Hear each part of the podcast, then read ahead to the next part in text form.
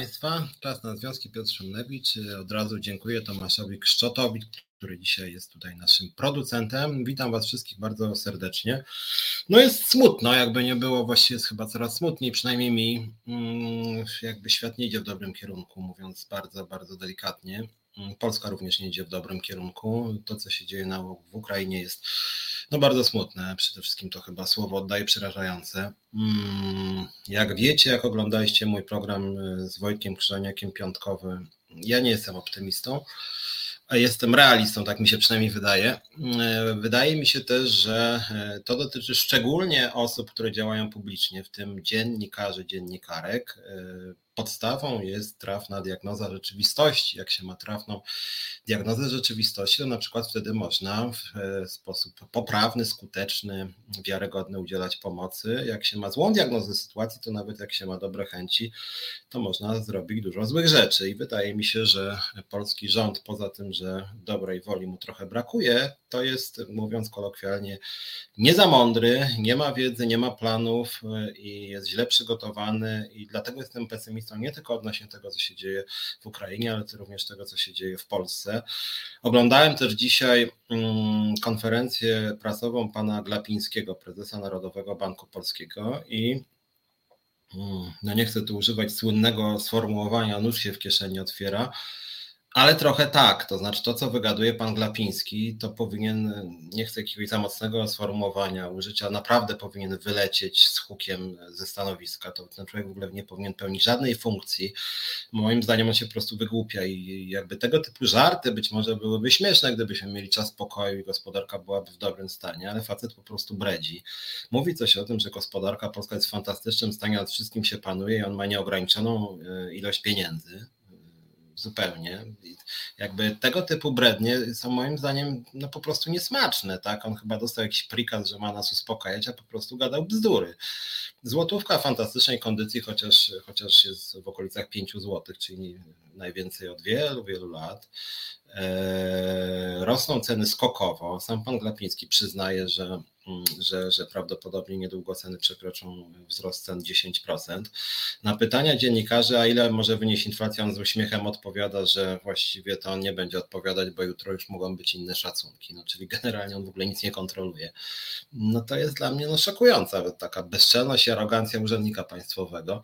Drugi ważny urzędnik państwowy, Jarosław Kaczyński, raz się pojawił w Sejmie na pół godziny, powiedział trochę bzdur i z nich znowu, znowu nie ma pana wicepremiera do spraw bezpieczeństwa. No nie wiem, może jest chory, ale jednak wypadałoby, żeby społeczeństwo coś wiedziało, co się dzieje z wicepremierem do spraw bezpieczeństwa, jakby nie było kluczowym strategiem partii rządzącej, liderem partii rządzącej, jego po prostu nie ma. Polska mówi, że kupuje samoloty dla wojska ukraińskiego i że będzie je przekazywać, po czym Amerykanie to prostują, jakby wychodzimy na jakichś pajaców niebezpiecznych dla świata i w ogóle jakiś niewiarygodny hipik po prostu. Więc wydaje mi się, że wszystko to wygląda słabo. Natomiast oczywiście nie chcę o tym za dużo mówić, dlatego że to jest program związkowy, więc będę mówił głównie o sprawach pracowniczych, również jeśli chodzi o przyjmowanie uchodźców. Jedna taka uwaga tylko na wstępie, nie wiem czy się ze mną zgodzicie, ale ja wam muszę powiedzieć, że i dlatego też jestem trochę wkurzony, tak muszę wam powiedzieć. Poza tym, że smutny, to wkurzony też tym, co się dzieje, dlatego że dużo zła się dzieje, ale mogłoby być tego zła trochę mniej, gdyby politycy byli trochę mądrzejsi, a są głupi strasznie. I muszę wam powiedzieć, że strasznie mnie to denerwuje, że politycy, i mam na myśli polityków opozycji też, bo na nich też jestem zły, oni się lansują, biegają po dworcach, gdzie w zasadzie w ogóle są niepotrzebni, robią sobie mnóstwo fotek, jak to oni noszą jakieś tam, nie wiem, e, kanapki i owoce i zupki. Chodzi właściwie o to, żeby mieć zdjęcie fajne. Ja teraz rozumiem, dlaczego posłowie i posłanki mają młodych e, asystentów. Kiedyś miałem jakieś spekulacje, że to może nie wiem, rodzina, kochankowie, nie wiadomo co. A to chodzi o to, że ci młodzi ludzie po prostu umieją dobrze się poruszać po mediach społecznościowych i posłowie i posłanki dobierają dobierają sobie asystentów po to, żeby im sweetfocie robili właśnie w takich sytuacjach jak, jak teraz. Więc jeżdżą właśnie po, po dworcach, robią sobie sweetfocie, coś tam przyniosą, coś tam się pokrzątają godzinkę i jest fantastycznie. Uważają, że są dobrymi ludźmi. Tak? Dlaczego mówię o tym z oburzeniem? Bo ktoś mógłby mi powiedzieć, że jak ja śmiem krytykować, że ktoś w sumie no, pomaga, nie? I od razu się pojawia, a co pan zrobił, nie? E, otóż szczerze powiedziawszy, nie oczekuję od posłów, żeby oni e, biegali po dworcach, ja nie oczekuję, żeby oni jeździli jeździli nawet po jakichś miejscach, gdzie są wypadki. Nie oczekuję tego również od premiera. Ja od posłów oczekuję tego i posłanek, żeby tworzyli dobre prawo. To jest ich zadanie i za to dostają pieniądze. E, I moim zdaniem oni nie wykonują tych obowiązków i potem no, po prostu są fatalnymi pracownikami polskiego państwa. I to dotyczy tak posłów opozycji, jak i posłów rządu. Muszę Wam powiedzieć, że przed tym programem czytałem tą specustawę dotyczącą uchodźców. O tym będziemy dzisiaj mówić więcej, bo to jest bardzo, bardzo ważna sprawa. Ważna i poważna tak dla e, Polaków, jak i oczywiście dla uchodźców ukraińskich. I muszę Wam powiedzieć, że to jest bubel. To jest kolejny polski ład, to jest totalne nieporozumienie. E, tam nie ma strasznie dużej liczby rzeczy. Tak naprawdę nic tam nie jest do końca regulowane. Przerzuca się mnóstwo obowiązków na samorządy bez wskazania finansowania. Odnośnie wojewodów e, pisze się w ustawie, że wojewoda może pomóc uchodźcom. Może, nie musi, tylko może. W związku z tym jest w ogóle jakiś zakres dowolności. Jak się będzie chciało wojewodzie, to on pomoże, jak się nie będzie chciało, to on nie pomoże. E, mówi się coś o pomocy dla mm, Polaków, którzy przyjmują e, uchodźców. Na konferencji prasowej pan premier mówił coś o 40 zł, e, o 40 zł na dzień odnośnie uchodźców. I nawet nie jest jasne, czy to ma być na osobę, czy to ma być na rodzinę, czy jak pojmowano rodzinę. E, nie ma w ogóle określonych, jak chodzi o tą pomoc, też żadnych warunków lokalowych, czyli jeżeli ktoś będzie chciał sobie wziąć do jakiejś klitki 20 osób e, i żeby dostać od państwa trochę kasy, to w ogóle ustawa tego nie reguluje, nie ma żadnych warunków tutaj.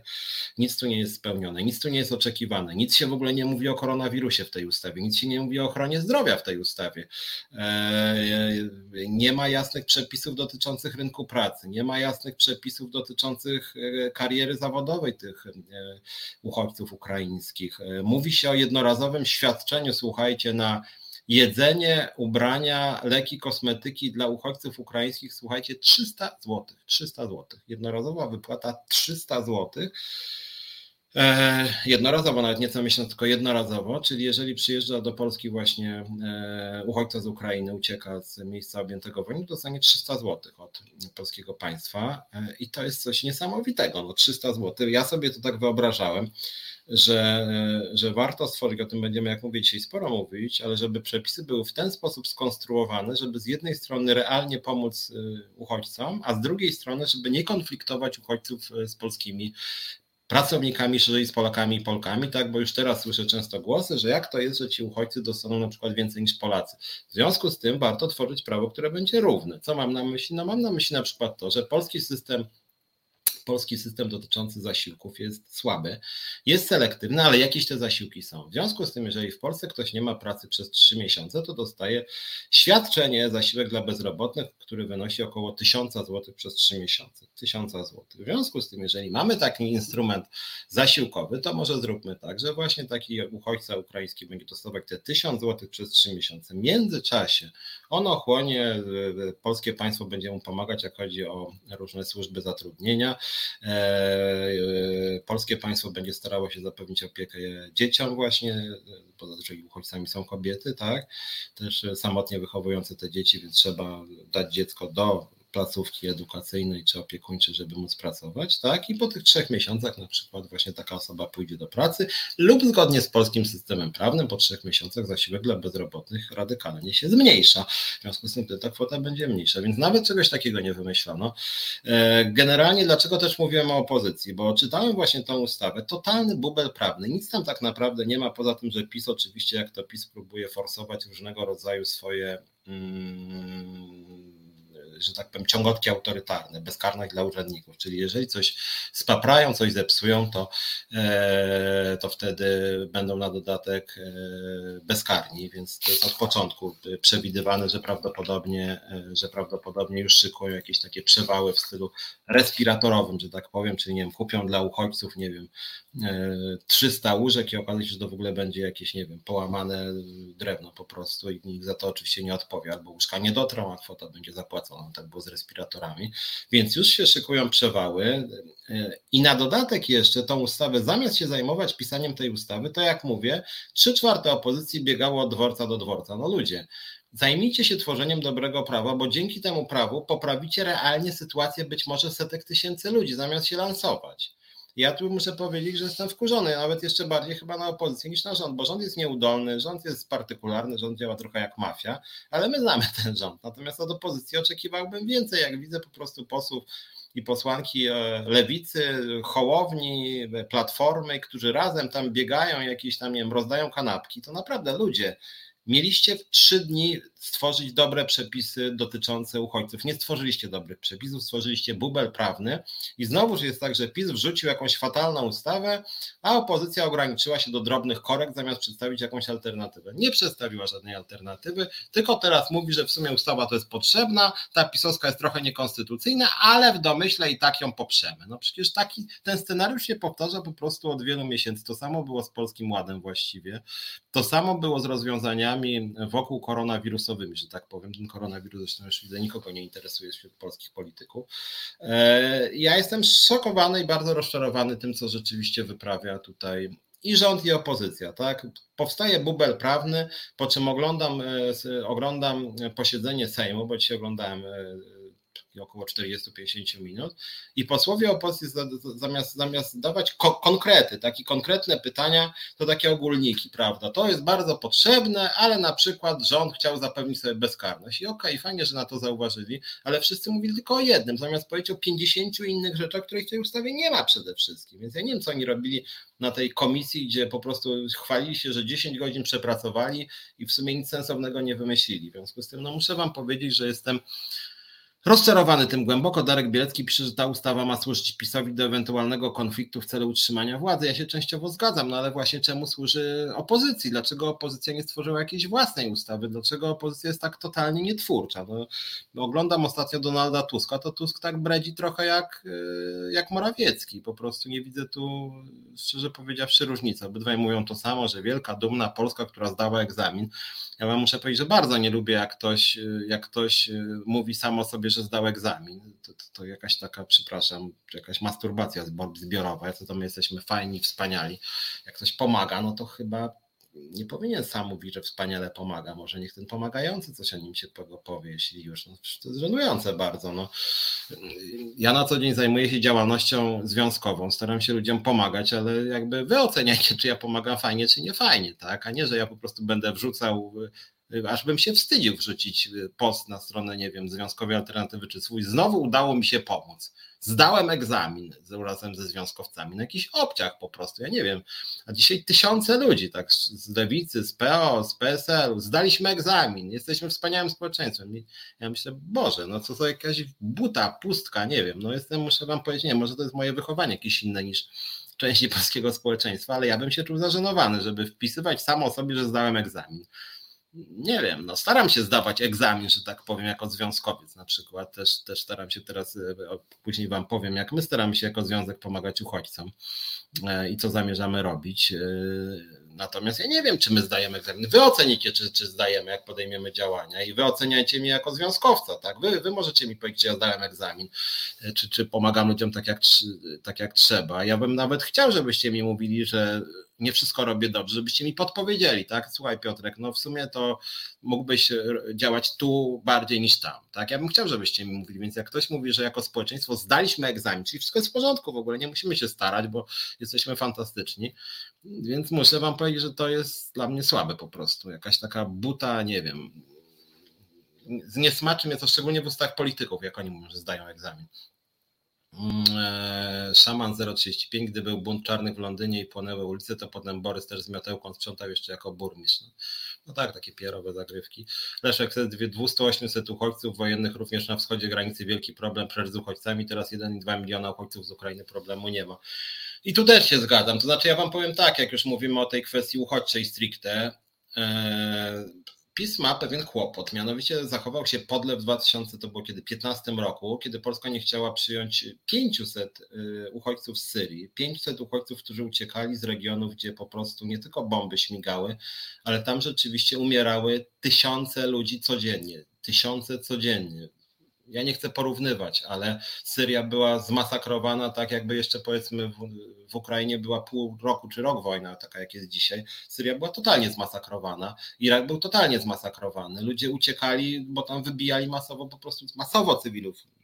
To jakby w pewnym sensie bardziej przypominało takie najokrutniejsze praktyki II wojny światowej. I wtedy słyszeliśmy od PiSu, że nie, że to jakieś brudasy, terroryści, że my nie możemy przyjąć, bo nam się tkanka narodowa rozsypie, jak 500 Syryjczyków przyjmiemy.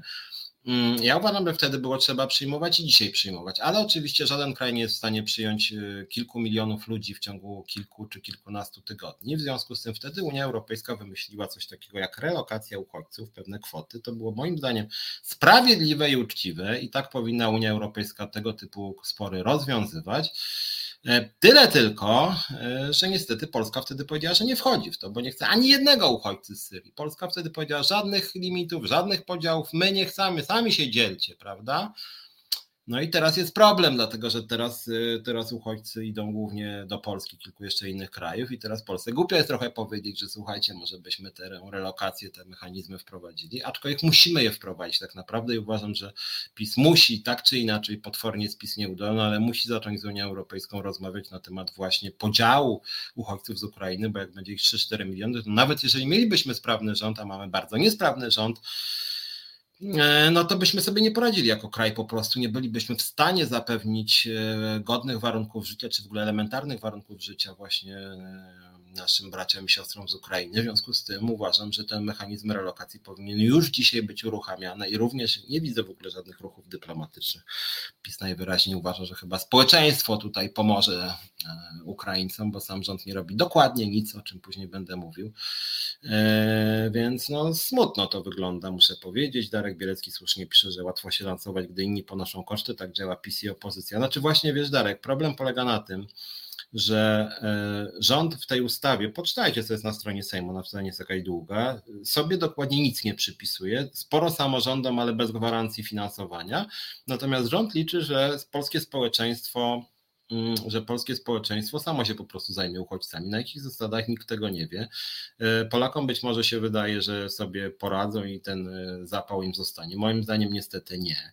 I uważam, że już za miesiąc, dwa zaczną się problemy. Nawet tutaj rząd mówi, że przez, na dwa miesiące coś tam będzie dosypywał Polakom, którzy goszczą u siebie Ukraińców. No i teraz, a co będzie za dwa miesiące?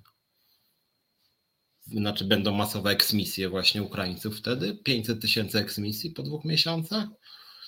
No ja w ogóle aż strach pomyśleć, co to będzie, no bo jeżeli nawet teraz 1200 zł ma dostać y, polski, Polak na przyjęcie Ukraińca, już pomijam, że to w ogóle jest moim zdaniem trochę niebezpieczne bez weryfikacji, bo to musi być sprawdzone, warunki lokalowe, kto to jest w ogóle, żeby nie było też krzywdy, sutenerstwa, konfliktów, przemocy, to w ogóle o tym polski rząd w ogóle nie myśli, ale nawet już jeżeli zakładając, no to 1200 zł, ceny rosną błyskawicznie, więc wyobraźmy sobie teraz, że, że, właśnie, że właśnie taki Ukrainiec będzie mieszkać u jakiejś tam polskiej rodziny, która dostanie 1200 zł, po czym się nagle okaże, że po dwóch miesiącach Polska przestaje płacić temu obywatelowi.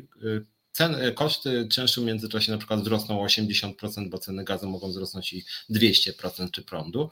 No i co wtedy? A jeżeli tej Polspo, tego Polaka nie stać będzie w ogóle, to co? To Polak zbankrutuje, Ukrainiec straci mieszkanie i co wtedy się stanie? Znaczy w ogóle nie ma tu planu żadnego, w ogóle nie ma. To jest dla mnie zupełnie szokujące, że nie ma jakiejś takiej, no, takiego elementarza nie ma. Więc Aga słusznie pisze, na razie rząd sobie przypisuje zasługi dobrej organizacji pierwszych działań na granicy. Znaczy ja w ogóle jestem przerażony tym, co się dzieje na przykład na warszawskich dworcach. Jest totalny mędlik, totalny chaos, który tak naprawdę sprzyja różnego rodzaju sutenerom, oszustom, tak, jakichś pseudotaksówkarzom. Y, powinno być tak moim zdaniem, że w ogóle przy, przywitanie, że tak powiem, takie formalne uchodźców nie następuje na dworcu, tylko powinni być ludzie ubrani w jakieś konkretne stroje z jakimś oznaczeniem miastem, nie wiem, na przykład odblaskowym y, oznakowane autobusy przed dworcem, które zawożą uchodźców i tylko te autobusy, żadne inne samochody i od razu ostrzegać uchodźców, nie, nie wsiadajcie do żadnych innych samochodów, żadnych taksówek, żadnego transportu, my was odwieziemy do placówek, w których będziecie mieli zapewnione e, posiłek, będzie, stamtąd będzie, będą, będziecie, będziecie przewożeni do, do, do mieszkań tymczasowych czy nie tymczasowych, oczywiście z informacją, dostaniecie stosowne leki, a nie, że na dworcu jest jakiś totalny mętlik, ktoś szuka szuka polopiryny pospiesznie. Ta polopiryna ktoś przynosi ze swojego domu, w ogóle nie jest sprawdzana ważność tej polopiryny. E, ktoś mówi, to może byście pojechali tam. Jakiś tajemniczy pan mówi, to może pani pojedzie ze mną, aż strach pomyśleć, gdzie on tą panią zawiezie. No po prostu jest przerażające. To znaczy, ja uważam, że w ogóle jak chodzi o to przyjmowanie uchodźców, to władze się kompromitują totalnie. Ludzie rzeczywiście pomagają i to jest ta fala pomocy obecnie jest, jakby można powiedzieć, zaskakująco duża. Natomiast, natomiast tego typu procesy wymagają no, profesjonalistów. Tak? Ja przepraszam, że jestem takim tutaj e, pozytywistą, ale ja nie chcę być źle zrozumiany, ale ja uważam, że ta pomoc nie powinna być organizowana przez wolontariuszy po prostu, bo oni się na tym nie znają nie znają. I ja uważam, że to powinno tak wyglądać, że, e, że, że, że, że ludzie dobrej woli e, przekazują środki, jeżeli chcą, do organizacji, które się tego typu rzeczami zajmują. Ja się tego typu pomocy udzielam, muszę powiedzieć też, i sam staram się zająć na tym obszarze, na którym się znam, o czym też będę mówił, jak chodzi o uchodźców.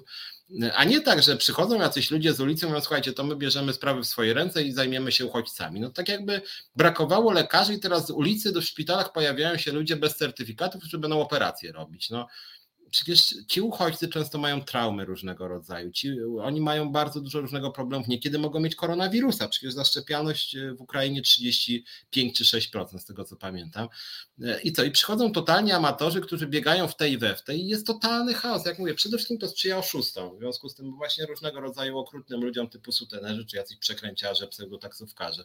No i niestety postępowanie władzy temu służy tak naprawdę. Bardzo duża wina jest tutaj władzy państwowej, ale częściowo też samorządowej samorządowej, bo ja nawet na przykładzie Warszawy, różnie jest w różnych miastach, mogłoby to być lepiej organizowane. No nawet Trzaskowski mógł to wykorzystać propagandowo, władza państwowa nic nie robi, to on bierze na siebie organizację, tak, przewóz tych ludzi do ośrodków, do ośrodków yy, dzielnicowych. Tak, nic takiego nie ma miejsca. Tak jak Darek pisze, wolontariat powinien być wsparciem, a nie siłą główną. Dokładnie, wsparciem a nie organizatorem. Organizatorami są ludzie, którzy w ogóle się na tym nie znają, co wygląda Dramatycznie źle. E, Elżbieta Wyderska z Manchesteru. Jestem terapeutą, zawsze pojawiające się emocje opadają i tak będzie współczuciem dla Ukraińców i lękiem, że u nas może być wojna, dlatego musi być systemowe rozwiązanie. Za trochę ludziom obcy w domu zacznie przeszkadzać, ale cienko widzę organizację systemu przez PiS. Dokładnie mam te same wątpliwości, dokładnie to i nawet w pewnym sensie chciałbym, żeby trochę ten, ten, ta ekstaza, że tak powiem, pomocy opadła, żeby naprawdę władza nie tyle mogła, co musiała się wykazać. Tak? Nawet niech władza deleguje to na organizacje pozarządowe wykwalifikowane, ale niech tym się zajmą rzeczywiście organizacje, które się tym zajmują, się na tym znają. Jak pomóc człowiekowi rannemu, jak pomóc człowiekowi który ma stres pourazowy, który, który jest w depresji, który jest, ma fatalny stan psychiki, tak? Jak pomóc człowiekowi, który ma, nie wiem, jakieś e, bardzo poważne lęki, jak, jak pomóc samotnym dzieciom, tak? E, jak pomóc, gdzie skierować kobiety z zaawansowaną ciążą, tak? No, mnóstwo, mnóstwo, mnóstwo problemów których e, wolontariusze nie rozwiążą i niestety w ustawie nic praktycznie na ten temat nie ma, około 70%. Ja postaram się też analizę tej ustawy jako lider związkowej alternatywy przygotować, ale zapewniam Was, ta ustawa nie jest dobrze przygotowana. Tomasz Szyndralewicz, władza ogranicza się do działalności medialnej, trudno jej się dziwić, przynosi jej to zysk polityczny bez kiwania palcem. No, dokładnie tak, tylko też Tomaszu właśnie mówiłem wcześniej o tym, że jestem rozczarowany, że władza robi dokładnie to samo, co, że opozycja robi dokładnie to samo, co władza i to jest bardzo też smutne, że nie chodzi tylko o wykorzystanie błędów e, władzy, ale chodzi też o pokazanie właśnie alternatywy, żeby zorganizować całościowo ochronę zdrowia, żeby zorganizować całościowo e, system szkolnictwa, żeby zorganizować całościowo częściowo pewien system też e, lokowania tych ludzi, tak? Bo dzisiaj na przykład nie wiadomo, e, nie wiadomo z tego, co, że już są problemy, e, mianowicie, że w momencie, kiedy hotele przyjmują nieodpłatnie uchodźców, to później mają problem ze skarbówką, bo nie ma przepisów, dlatego że domyślnie oni muszą brać pieniądze, tak, żeby nie było pomyślane, że biorą pod stołem, tak, więc będą płacić podatki wyższe. Nie ma przepisów, które to regulują. Ważna dla mnie sfera związana z Polskim Ładem, wiecie, często Agatę Jagodzińską, tu zapraszam liderkę Skarbówki. Skarbówka jest w szoku, ponieważ nie jest jasne na przykład, jak się ma Polski Ład do uchodźców. Jak, jak, według jakiego PIT-u będą uchodźcy? Nic nie, nie ma tego w ustawie w ogóle, nie ma.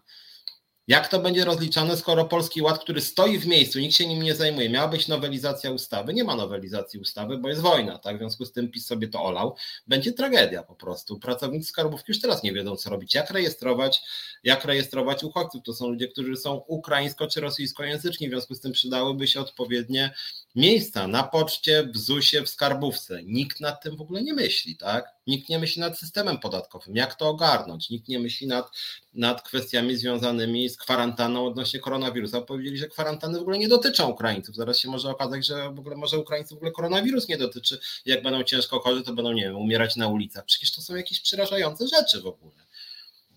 Ja, ja akurat tutaj w ogóle nie widzę jakichkolwiek ruchów ze strony władzy, żeby tego typu praktyczne, praktyczne sprawy e, rozwiązać, żeby jakoś włączyć w ten obieg informacyjny pracowników, e, przepraszam, po prostu Ukraińców, nie tylko pracowników, większość z nich przecież nie ma pracy, e, czy takie rzeczy, które się narzucają, jak na przykład bezpłatne Wi-Fi, czy pakiet darmowych połączeń z rodziną w Ukrainie dla uchodźców. To jest dla nich bardzo ważne. Tak, na razie z tego, co słyszałem, czytałem, dowiadywałem się, takie sieci jak Orange zaoferowało jakąś tam, jakiś tam pakiet e, bezpłatny, ale właśnie pytanie, czy to jest pakiet, którym trzeba później umowę podpisywać, ile to jest minut, tak? Pakiet się skończy, nie wiem, w lutym, no i co wtedy się stanie, prawda? Więc bardzo, bardzo dużo jest takich rzeczy, czy nawet zwraca się uwagę na tego typu kwestie, jak to, że, że Ukraińcy mają, mają sobie e, numery PESEL załatwiać w urzędach, ale nikt nie pomyślał o tym, żeby robili to w sposób online. W związku z tym będą potężne kolejki przed urzędami. Oczywiście, jak mówię, o koronawirusie już nikt nie mówi. Trzeba będzie odpowiednie zdjęcia, żeby ci Ukraińcy zrobili. Znowuż to są też koszty przecież, tak? Więc w ogóle strasznie zablokują się urzędy, które już są zablokowane, niedofinansowane. My od wielu miesięcy jako Związkowa Alternatywa mówimy, ludzie, dofinansujcie i zwiększcie liczbę pracowników w, w Zakładzie Ubezpieczeń Społecznych czy w Skarbówce. Dzisiaj to też w województwach. Nikt w ogóle o tym nie myśli. W ogóle się o tym nie myśli. Pani Uścińska o tym w ogóle nie myśli z ZUS-u. W województwach ci wojewodowie to w ogóle mają w nosie tych uchodźców. To jest jakiś Dramat rzeczywiście, to znaczy nic zupełnie oni tutaj e, nie robią. Tomasz Jędralewicz, gdyby rząd chciał zapewnić pomoc w zachowaniu równowagi psychicznej uchodźcom w wystarczającej skali obnażyłby katastrofę tej dziedziny lecznictwa, więc właśnie jak chodzi o kwestie psychologiczne i psychiatryczne, to też jest dramat. Przecież ci ludzie są bardzo często traumatyzowani. Teraz tak, rodzina, która jest, y, ma, ma, ciężki stres pourazowy, po tym jak bomby wybuchały tuż obok jej, że tak powiem, ucha i oka e, i trafia do tak zwanej normalnej polskiej rodziny, to, to, to może się dziecko budzić w środku nocy z wrzaskiem, co będzie irytowało dla odmiany polską rodzinę i później już widzę, co się dzieje. Już widzę, że dzisiaj pan poseł od Kukiza jeden wystąpił w Sejmie, że mnóstwo, ja nie wiem, czy on prawdę mówi, ale że mnóstwo jego wyborców pyta, uwaga, uwaga, jakie będą zasady eksmisji Ukraińców Jakie są zasady eksmisji Ukraińców? Czy jak ktoś chciałby się pozbyć Ukraińca, w jaki sposób może to zrobić? Bo powinien móc eksmitować, czyli po pięciu dniach, po pięciu, sześciu dniach od momentu, kiedy się zaczęło przyjmować właściwie uchodźców, po pięciu, sześciu dniach on ma masowe pytania odnośnie zasad eksmisji. I to jest ta pomoc, to ja naprawdę bym wolał ludzie, jeżeli nie jesteście pewni, że możecie kogoś przyjąć, to nie przyjmujcie po prostu. Bo najpierw jest sweet focia na Facebooku, a później jest droga Ukrainko, wynocha stąd, bo to jest mój dom. No niestety, ale już, już są tego typu sygnały. Jeżeli ktoś chce pomóc, to niech pomaga, nie, że zrobi sobie sweetfocie, bo to niestety może smutne skojarzenie czy brzydkie, ale to jest trochę tak, że często, szczególnie tutaj prze, prze, przed wakacjami, ktoś sobie bierze pieska, też różne bogate rodziny też biorą pieska, to jest niezależne od, od e, majątku, nawet często ci bogatsi robią większe świństwa. E, mianowicie biorą sobie pieski później przed wakacjami mnóstwo piesków jest wyrzucanych z domu. I niestety Ukraińcy są dla części społeczeństwa traktowani jak gadżet. Każdy teraz ma swoją Ukrainkę z dzieckiem, i głośno się przyjmuje i z wielkim patosem, a później będą po cichu, prawda, te osoby wyrzucane z domu, będzie narzekanie, będzie a gdzie jest kasa, właściwie dlaczego ci Ukraińcy są ode mnie bogaci, a dlaczego im się powodzi, a dlaczego oni sobie ubrania kupują.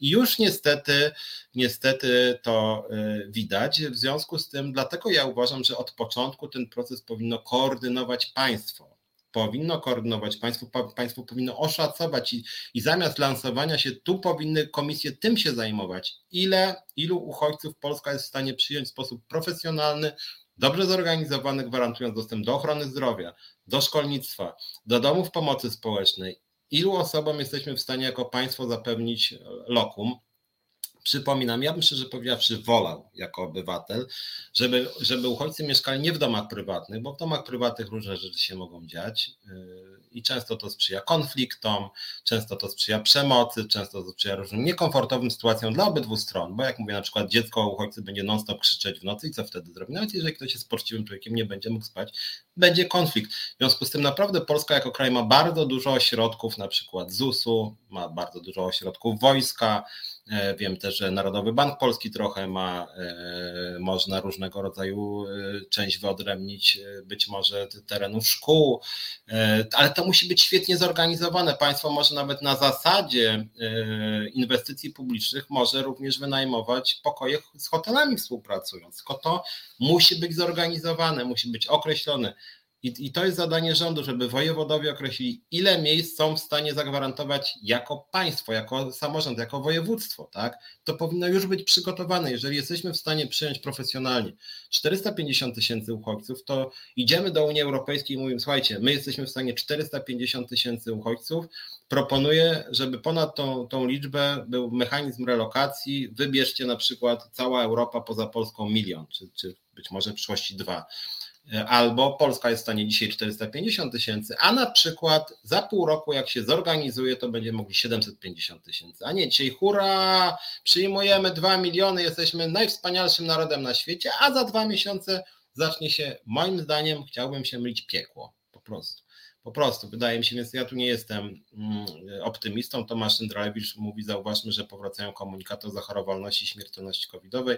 Tak, dzisiaj 240 ofiar, z tego co pamiętam, jesteśmy jednym z naj gorszych pod tym kraju w Europie, jedno z ostatnich miejsc, najwięcej ludzi umiera w Polsce na COVID i nawet media o tym nie mówią. To jest też fatalna robota mediów, więc muszę wam powiedzieć i TVP, i TVN, i Polsat, nie zdajecie egzaminów, chciałbym powiedzieć, nie mówicie o wielu ważnych sprawach, non-stop nawijacie o wojnie, o covid już prawie w ogóle nie mówicie, nie mówicie o Polskim Ładzie, nie mówicie o sytuacji pracowników budżetówki, w ogóle organizacji polskich urzędów, po prostu dajecie ciała, nie zdajecie egzaminu, nie informujecie rzetelnie o tym, co się dzieje. Uważam, że media dzisiaj robią naprawdę kawał bardzo, bardzo e, złej roboty. Muszę powiedzieć, że jestem też mediami rozczarowany i to również nie tylko tymi rządowymi, ale również tymi deklaratywnie e, antyrządowymi.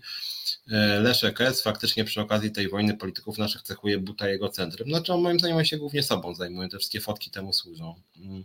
Elżbieta Wyderska kiedyś przeciwdziałaniem przemocy w rodzinach zajmowały się głównie organizacje pozarządowe, niezależnie czy rządziło SLD, czy PO, czy PiS. Państwo ograniczało się do przyznawania grantów, wszystko było na barkach samorządów i organizacji pozarządowych. I teraz też e, jeszcze długi czas tak będzie, bo rząd nie słucha głosów oddolnych, ale szczepień dla dzieci grozi trzodry, tylko rząd może zarządzić. No tak, no czy pewne obowiązki w ogóle musi państwo, tym bardziej w tak dramatycznej sytuacji. Jak dzisiaj Darek pisze też, żeby wprowadzić bezkarność, to potrafią. I to jest chyba jedna rzecz, którą e, potrafią. E, chodzi już na kolaboranckich stronach, kolaboranckich stronach szaman pisze, że nie da się wyrzucić Ukraińców przez pandemię. Znaczy ten język antyukraiński będzie moim zdaniem powracał. I, no i to też jest wyzwanie dla władzy, żeby jakoś te głosy antyukraińskie spacyfikować, żeby przekonać społeczeństwo przez kampanie informacyjne, że, że, że, że, że Ukraińcy uciekają z obszarów objętych wojną. I jak powiedziałem, w ten sposób pomagać Ukraińcom, żeby nie było konfliktów między Polakami i Ukraińcami. To jest wielkie zadanie dla władzy. Ja jestem przerażony, bo ja uważam, że PiS tego egzaminu po prostu nie zda, że będzie krótko mówiąc źle, że będą konflikty i będzie za to władza w dużej mierze odpowiedzialna. Elżbieta pisze, że profesjonalizm to pojęcie obce obecnym rządzącym, niestety tak. PiS obłudnym i wybiórczym stosunkiem do uchodźców, dzieląc ich na lepszych i gorszych, potwierdzi swoje paskudne oblicze, pisze Leszek S. No dokładnie, niestety tak. Tak to wygląda. I jeszcze Leszek na granicy więcej jest niż przemyślanych działań ze strony polskich władz. Też jest to oczywiście prawda.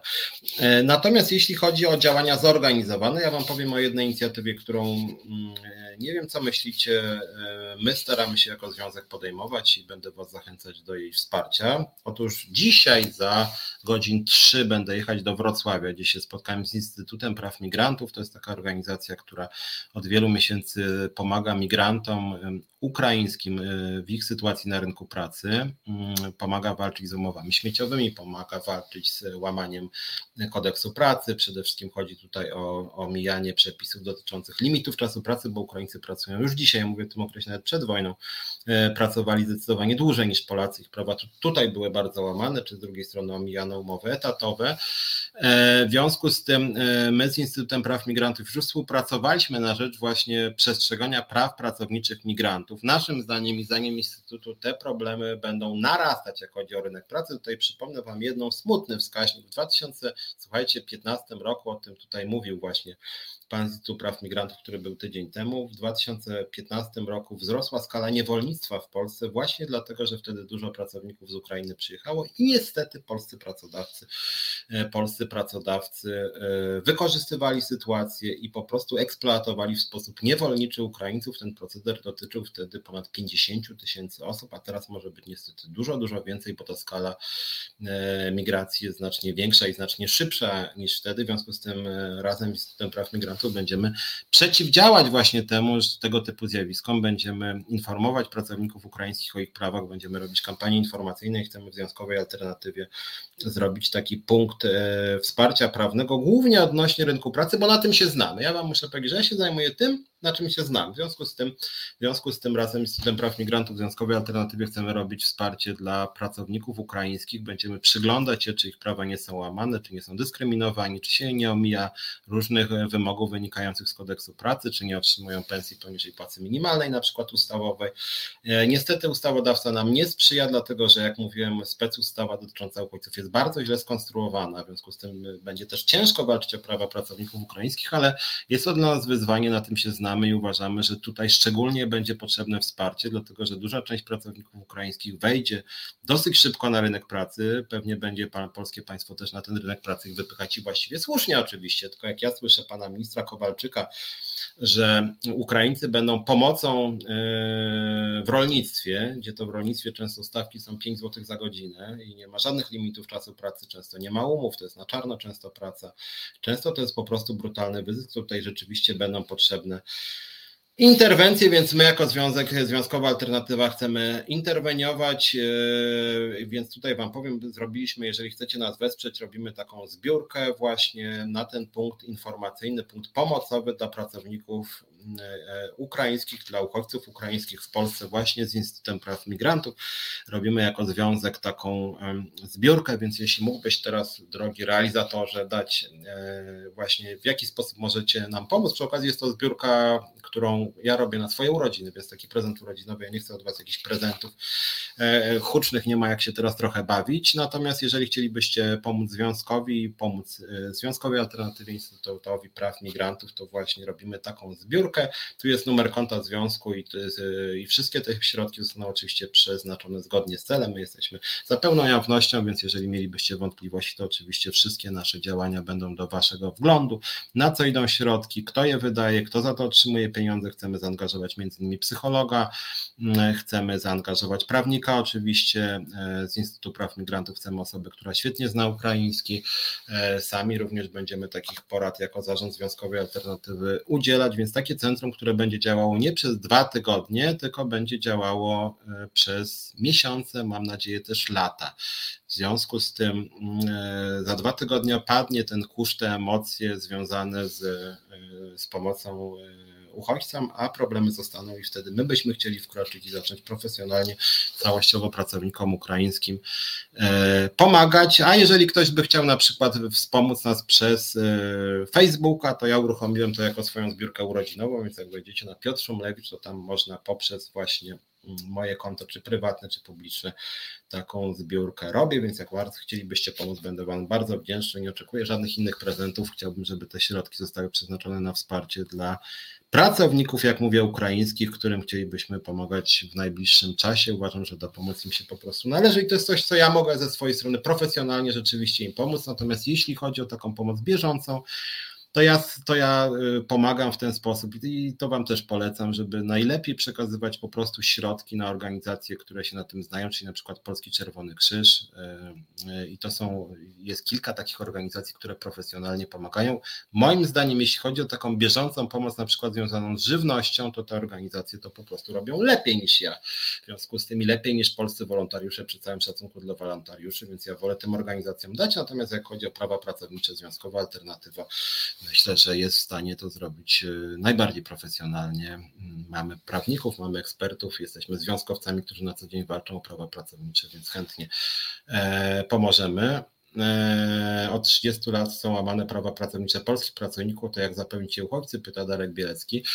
Znaczy powiem Ci tak, żeby to nie było, bo jakby w Polsce często się wygrywa prawa pracowników ukraińskich przeciwko polskim i odwrotnie. My jako związek pomagamy pracownikom polskim, i chcielibyśmy po prostu e, rozszerzyć niejako pomoc na pracowników ukraińskich i na uchodźców ukraińskich. Dlaczego?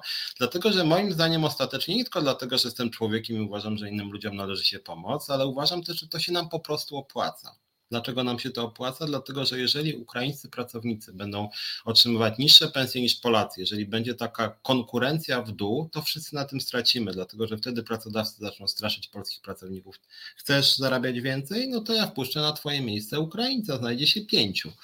W związku z tym my jesteśmy między innymi od tego, żeby walczyć o to, żeby były właśnie równe prawa pracowników polskich i ukraińskich, co się ostatecznie opłaca wszystkim. Wielka Brytania wystąpiła z Unii Europejskiej między innymi dlatego, że straszono Polakami, którzy zaniżali zdaniem nacjonalistów brytyjskich, zaniżali standardy pracy na brytyjskim rynku.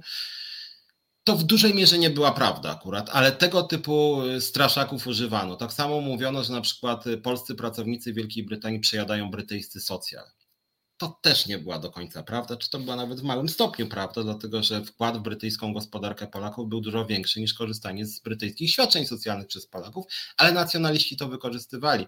W związku z tym my chcemy jako związek też pomagać w aktywizacji zawodowej Ukraińców i zarazem nie chcemy dopuścić do sytuacji, że ukraińscy pracownicy to będzie taki straszak na przykład na związki zawodowe, tak, że będzie pracodawca z nami negocjował i będzie mówił tak, chcecie podwyżek, to my was wszystkich zwolnimy i zastąpimy Ukraińcami. Więc my chcemy przyjąć w nasze szeregi pracowników ukraińskich, walczyć o ich prawa, między innymi dlatego, żeby nieuczciwi pracodawcy nie wykorzystywali właśnie pracowników ukraińskich jako taniej siły roboczej. Więc jak mówię, w dłuższej perspektywie to jest strategia, która moim zdaniem e, opłaca się po prostu nas wszystkich. Zgadzam się z Pawłem Krzysztofem Kołodziejem, proletariat jest ponadnarodowy, my jesteśmy też internacjonalistami e, i, i chcielibyśmy rzeczywiście, żeby wspierać na tyle, na ile możemy oczywiście pracowników innych krajów. Sytuację mamy wyjątkową, akurat teraz pracowników spoza Polski mamy w Polsce bardzo dużo. No i generalnie rzecz biorąc, my jako związek zawodowy czujemy się zobowiązani, żeby tym ludziom pomagać, chociaż oczywiście nie odpuszczamy, jak chodzi o sytuację polskich pracowników. I to jest może dobry, dobry moment, żeby na chwilę przynajmniej wrócić do tych tematów y, polskich pracowników, bo wspominałem Wam już o tym, co się dzieje ze, na przykład ze skarbówką, to pracownicy skarbówki są wkurzeni. Ja w pełni podzielam ich wkurzenie i w pełni wspieram Agatę Jagodzińską, liderkę w skarbówce naszą, która słucha głosów, że ludzie są wściekli. Również są wściekli na te plany pomocy Ukraińcom, co jest niepokojące. Dlaczego są wściekli? Właśnie dlatego, że im się obniża pensję. I jak będzie taki przekaz, słuchajcie, my wam obniżymy pensję, bo musimy wydać na Ukraińców, to jest świetna droga do skłócenia Polaków z Ukraińcami. Nie powinno tak być. I dlatego powiedziałem, że polskie państwo powinno oszacować, ile może, ilu może przyjąć uchodźców, zapewnić im godne warunki życia, ale przy okazji powinno zadbać o polskich pracowników, bo jeżeli skarbówka ma obsłużyć na przykład już w przyszłym roku pół miliona na przykład, czy milion y, y, pracowników ukraińskich, ukraińskich y, podatników, no to ktoś musi to zrobić za jakieś pieniądze, tak? W związku z tym już widać, że powinno się podnieść płacę pracownikom skarbówki 20% my proponujemy jako związek, no jest inflacja już przekroczy 10, więc niedługo te 20 to w ogóle będzie za mało, ale nawet 20%, tak, przy okazji zatrudnić nowych pracowników do skarbówki, stworzyć cały dział obsługi pracowników ukraińskich, tak, ludzi, którzy znają ukraiński, na przykład w związku ze znajomością dodatkowego języka mają jakieś dodatkowe środki, jakąś premię, czy, czy, czy, czy, trochę więcej zarabiają, nikt w ogóle o tym nie myśli, tak? A pracownicy skarbówki są wkurzeni, są sfrustrowani, tak, że nikt im nie chce podnosić pensji, że planowany przez rząd y, waloryzacja płat cały czas wynosi nam ten rok 4,4, 4,4, tak? A inflacja ponad 10, czyli 6% y, spadek realnych wynagrodzeń dla skarbówki, która ma się zająć milionem albo i dwoma milionami e, nowych podatników z Ukrainy w tym wypadku. No przecież to trochę krew zalewa, to samo jest z ZUS-em, tak? My w ZUS-ie alarmujemy od wielu miesięcy. Pani Uścińska tu jakby żyje gdzieś w kosmosie razem z panem Glapińskim i z panem Milczarskim z lotu i sobie tam fruwają wspólnie. A tymczasem pracowników sytuacja się pogarsza, tak? I to jest jakiś po prostu dramat. Darek pisze, tylko jak władza tych działań nie wesprze, to będzie wołanie na puszczy. No tak, owszem, ale z drugiej strony możemy jako związek pewne patologie po prostu nagłaśniać, dlatego zachęcam do tego, żeby, e, żeby tą naszą akcję wesprzeć, e, żeby w Związkowej Alternatywie powstał taki profesjonalny punkt pomocy dla pracowników ukraińskich. Leszek S. nie liczyłbym na udolność i fachowość tej władzy w kwestii uchodźców z Ukrainy. No ja też nie, no ale ja mówię, jeżeli nawet władza totalnie zawiedzie, to można we współpracy z samorządem działać, plus uważam, że warto stworzyć rzeczywiście e, oddolny ruch, ale oddolny ruch nie na zasadzie zbiorowego ruszenia, tylko na przykład formułować konkretne wnioski do sądu, tak, jeżeli są prawa łamane, żeby tworzyć inicjatywy ustawodawcze, żeby jednak to złe prawo było naprawiane w jakiś sposób, tak, żeby informować o patologiach samorządy, tak, i z nimi współpracować. No, jakby no, trzeba robić, próbować przynajmniej, żeby tą sytuację troszeczkę poprawić przez wskazywanie właśnie jakichś patologii. E, Leszek S, no właśnie, wojna totalnie przykryła problemy wewnętrzne, jakby wszystkie się ulotniły. I to, to jest to, co ja mówiłem, że jestem e, zbulwersowany też tym, co się dzieje w mediach, no, że, że po prostu nagle Polski Ład nie działa, nie istnieje, znaczy no, nie działa to inna sprawa, ale że on nie istnieje dla mediów, że, problem, że, że łamanie praworządności przez PiS nie istnieje dla mediów, że fatalna sytuacja pracowników ZUS-u, skarbówki e, nie istnieje dla mediów, że pogarszająca się sytuacja w szkolnictwie, w ochronie zdrowia pracowników socjalnych nie istnieje dla mediów, bo to jakieś tematy zastępcze ich zdaniem. A ja cały czas mówię, to nie są tematy zastępcze, to są kluczowe tematy właśnie, dlatego że to właśnie pracownicy socjalni, nauczyciele, pracownicy ochrony zdrowia, to oni właśnie wezmą na siebie przyjmowanie uchodźców, tak? Oni głównie. I to jest moim zdaniem bardzo ważna sprawa i dlatego wszystkie media powinny dzisiaj misyjnie nagłaśniać y, fatalną sytuację pracowników ochrony zdrowia, szkolnictwa, pracowników socjalnych, skarbówki czy ZUS-u. No, w związku z tym, jak nasi, jak jacyś dziennikarze nas teraz oglądają, to ja apeluję, żebyście się, moi drodzy, wzięli trochę do roboty, jak chcecie być misyjni, bo to jest właśnie misja dzisiaj mówić też o trudnej sytuacji tych pracowników, którzy będą wspierać i muszą wspierać e, i Polaków, i Ukraińców, tak? I uważam, że sytuacja tych grup zawodowych jest coraz mm, gorsza. E, Tomasz Szyndralewicz, postawienie sprawy tak, że prezesi, właściciele mówią, organizujmy zrzutkę z sowitym wkładem własnym, kto zechce się dorzucić, e, tak było przejrzyście i uczciwie. No tak, znaczy ja, ja już powiedziałem, wydaje mi się, że też możliwości osób prywatnych dzisiaj się w ogóle wyczerpały, jak chodzi o pomoc. To znaczy to, co się dzieje nawet na dworcach wielu, to pokazuje, że ta pomoc prywatna jest ograniczona, bez chaos. Ktoś rzuca na Facebooku informację, słuchajcie, brakuje nam mm, nie wiem, pas do zębów. Po czterech godzinach okazuje się, że pasy do zębów jest 10 razy za dużo, a brakuje czegoś zupełnie innego. Całość jest totalnie nieskoordynowana i, i są potężne braki. Nikt nie wie co i jak, nikt nie wie gdzie jeździć. Ludzie, którzy już na przykład e, już e, przyjęli do swoich domów Ukraińców, nie wiedzą, jakie przepisy ich dotyczą, bo prawo jeszcze nie zostało przyjęte, czy ono jakoś ich obejmie za tydzień, czy od pierwszego dnia, kiedy gościli właśnie uchodźców z Ukrainy. Nic nie wiadomo tak naprawdę, tak? Wiśniewski Jan, olej napędowy 8 zł, euro 5 zł, dolar 4,50, ogromna inflacja, śmierć Polaków, koronawirus. No, jeszcze więcej można by wymieniać tych patologicznych zjawisk. To jest takie smutne bardzo. Mm, e, media tylko o wojnie, a resztę mają w nosie. No też mi się tak wydaje. Darek Bielecki, PiS na tragedii smoleńskiej zdobył, wła- zdobył władzę, na tragedii Ukrainy chce władzę utrzymać. Dokładnie tak, to prawda. Kuba Wątły też tylko o wojnie, o kosztach kościoła. W Polsce już nie mówi o syfie w kraju, tak odnośnie dziennikarzy. Ja akurat nie wiem, nie chcę się tam Kubą Wątłym zajmować, e, ale o wojnie właściwie mówią wszyscy dzisiaj dziennikarze i mnie to martwi, bo chyba w redakcji, podobnie jak w partiach politycznych, jedni się zajmują wojną, a inni chyba się powinni zajmować innymi sprawami. Ja nie wiem, nagle znikli wszyscy dziennikarze ekonomiczni, zajmując się polityką społeczną, e, rynkiem pracy. Ja tego nie rozumiem bo mam wrażenie, że poznikali.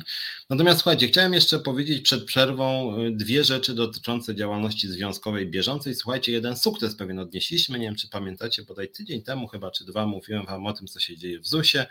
E, pani Uścińska Gertruda jedzie na ostro z nami, naszym zdaniem łamie prawo i to jest taki putinowski model zarządzania, bardzo brutalny, antypracowniczy, antyzwiązkowy. Przez ostatnie miesiące pani Uścińska w ogóle nie uznawała nas jako związku, uważała, że my nie istniejemy dla niej po prostu, czym łamała ustawę o związkach zawodowych, łamała też ustawę o rozwiązywaniu sporów zbiorowych, łamała konstytucję, dlatego że prawa e, związków zawodowych są gwarantowane konstytucyjnie i uważajcie, uwaga, uwaga, słuchajcie, E, kilka tygodni temu zgłosiliśmy wniosek do prokuratury przeciwko pani Uścińskiej, że utrudnia działalność związkową. Mm, zgłosiliśmy tą sprawę też do innych instytucji, do inspekcji pracy. Skarżyliśmy się również do pana premiera Morawieckiego w tej sprawie i wyobraźcie sobie, że dwa dni temu pani Uścińska napisała, że nas uznaje jednak.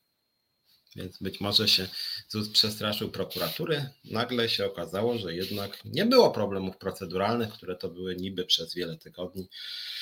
E, więc wystarczyło się poskarżyć panu Morawieckiemu i prokuraturze i ktoś jednak być może przycisnął na odcisk pani Uścińskiej, ale niezależnie od tego uważam, że naprawdę ta kobieta powinna wylecieć z hukiem mm, z Zakładu Ubezpieczeń Społecznych, nie pełni żadnej wysokiej funkcji, bo po prostu się nie nadaje. Natomiast my się cieszymy, bo wracamy do gry, ruszają spory zbiorowe naszego związku w ZUS-ie, więc y, generalnie rzecz biorąc nasz kierunek jest jasny. Jeżeli władza nie zmieni swojego podejścia, to będziemy przygotowywać się do akcji strajkowej w Zakładzie Ubezpieczeń Społecznych. Eee, już parę miesięcy temu żądaliśmy podwyżki o 60% wynagrodzeń. Posłowie sobie dali, senatorowie sobie dali, wiceministrowie sobie dali, twierdząc, że jeżeli e, nie dostaną takich wysokich podwyżek, to będą podatni na korupcję, no więc pracownicy ZUS-u e, naprawdę zarabiają mm, dużo mniej niż posłowie i senatorowie. Nikt nigdy w ZUS-ie nie używa argumentu, że jest podatny na korupcję, jak mu się nie podniesie pensji, ale jeżeli poseł uważa, że 10 tysięcy miesięcznie mm, naraża na korupcję, no to co ma powiedzieć pracownik ZUS-u, gdzie około połowa pracowników ZUS-u zarabia w przedziale 3000-3500 mm, brutto, no to nawet te 60% to wydaje się być bardzo, e, bardzo mało. Mm, drugi nasz związek, Związek Zawodowy Personelu Pokładowego i Lotniczego.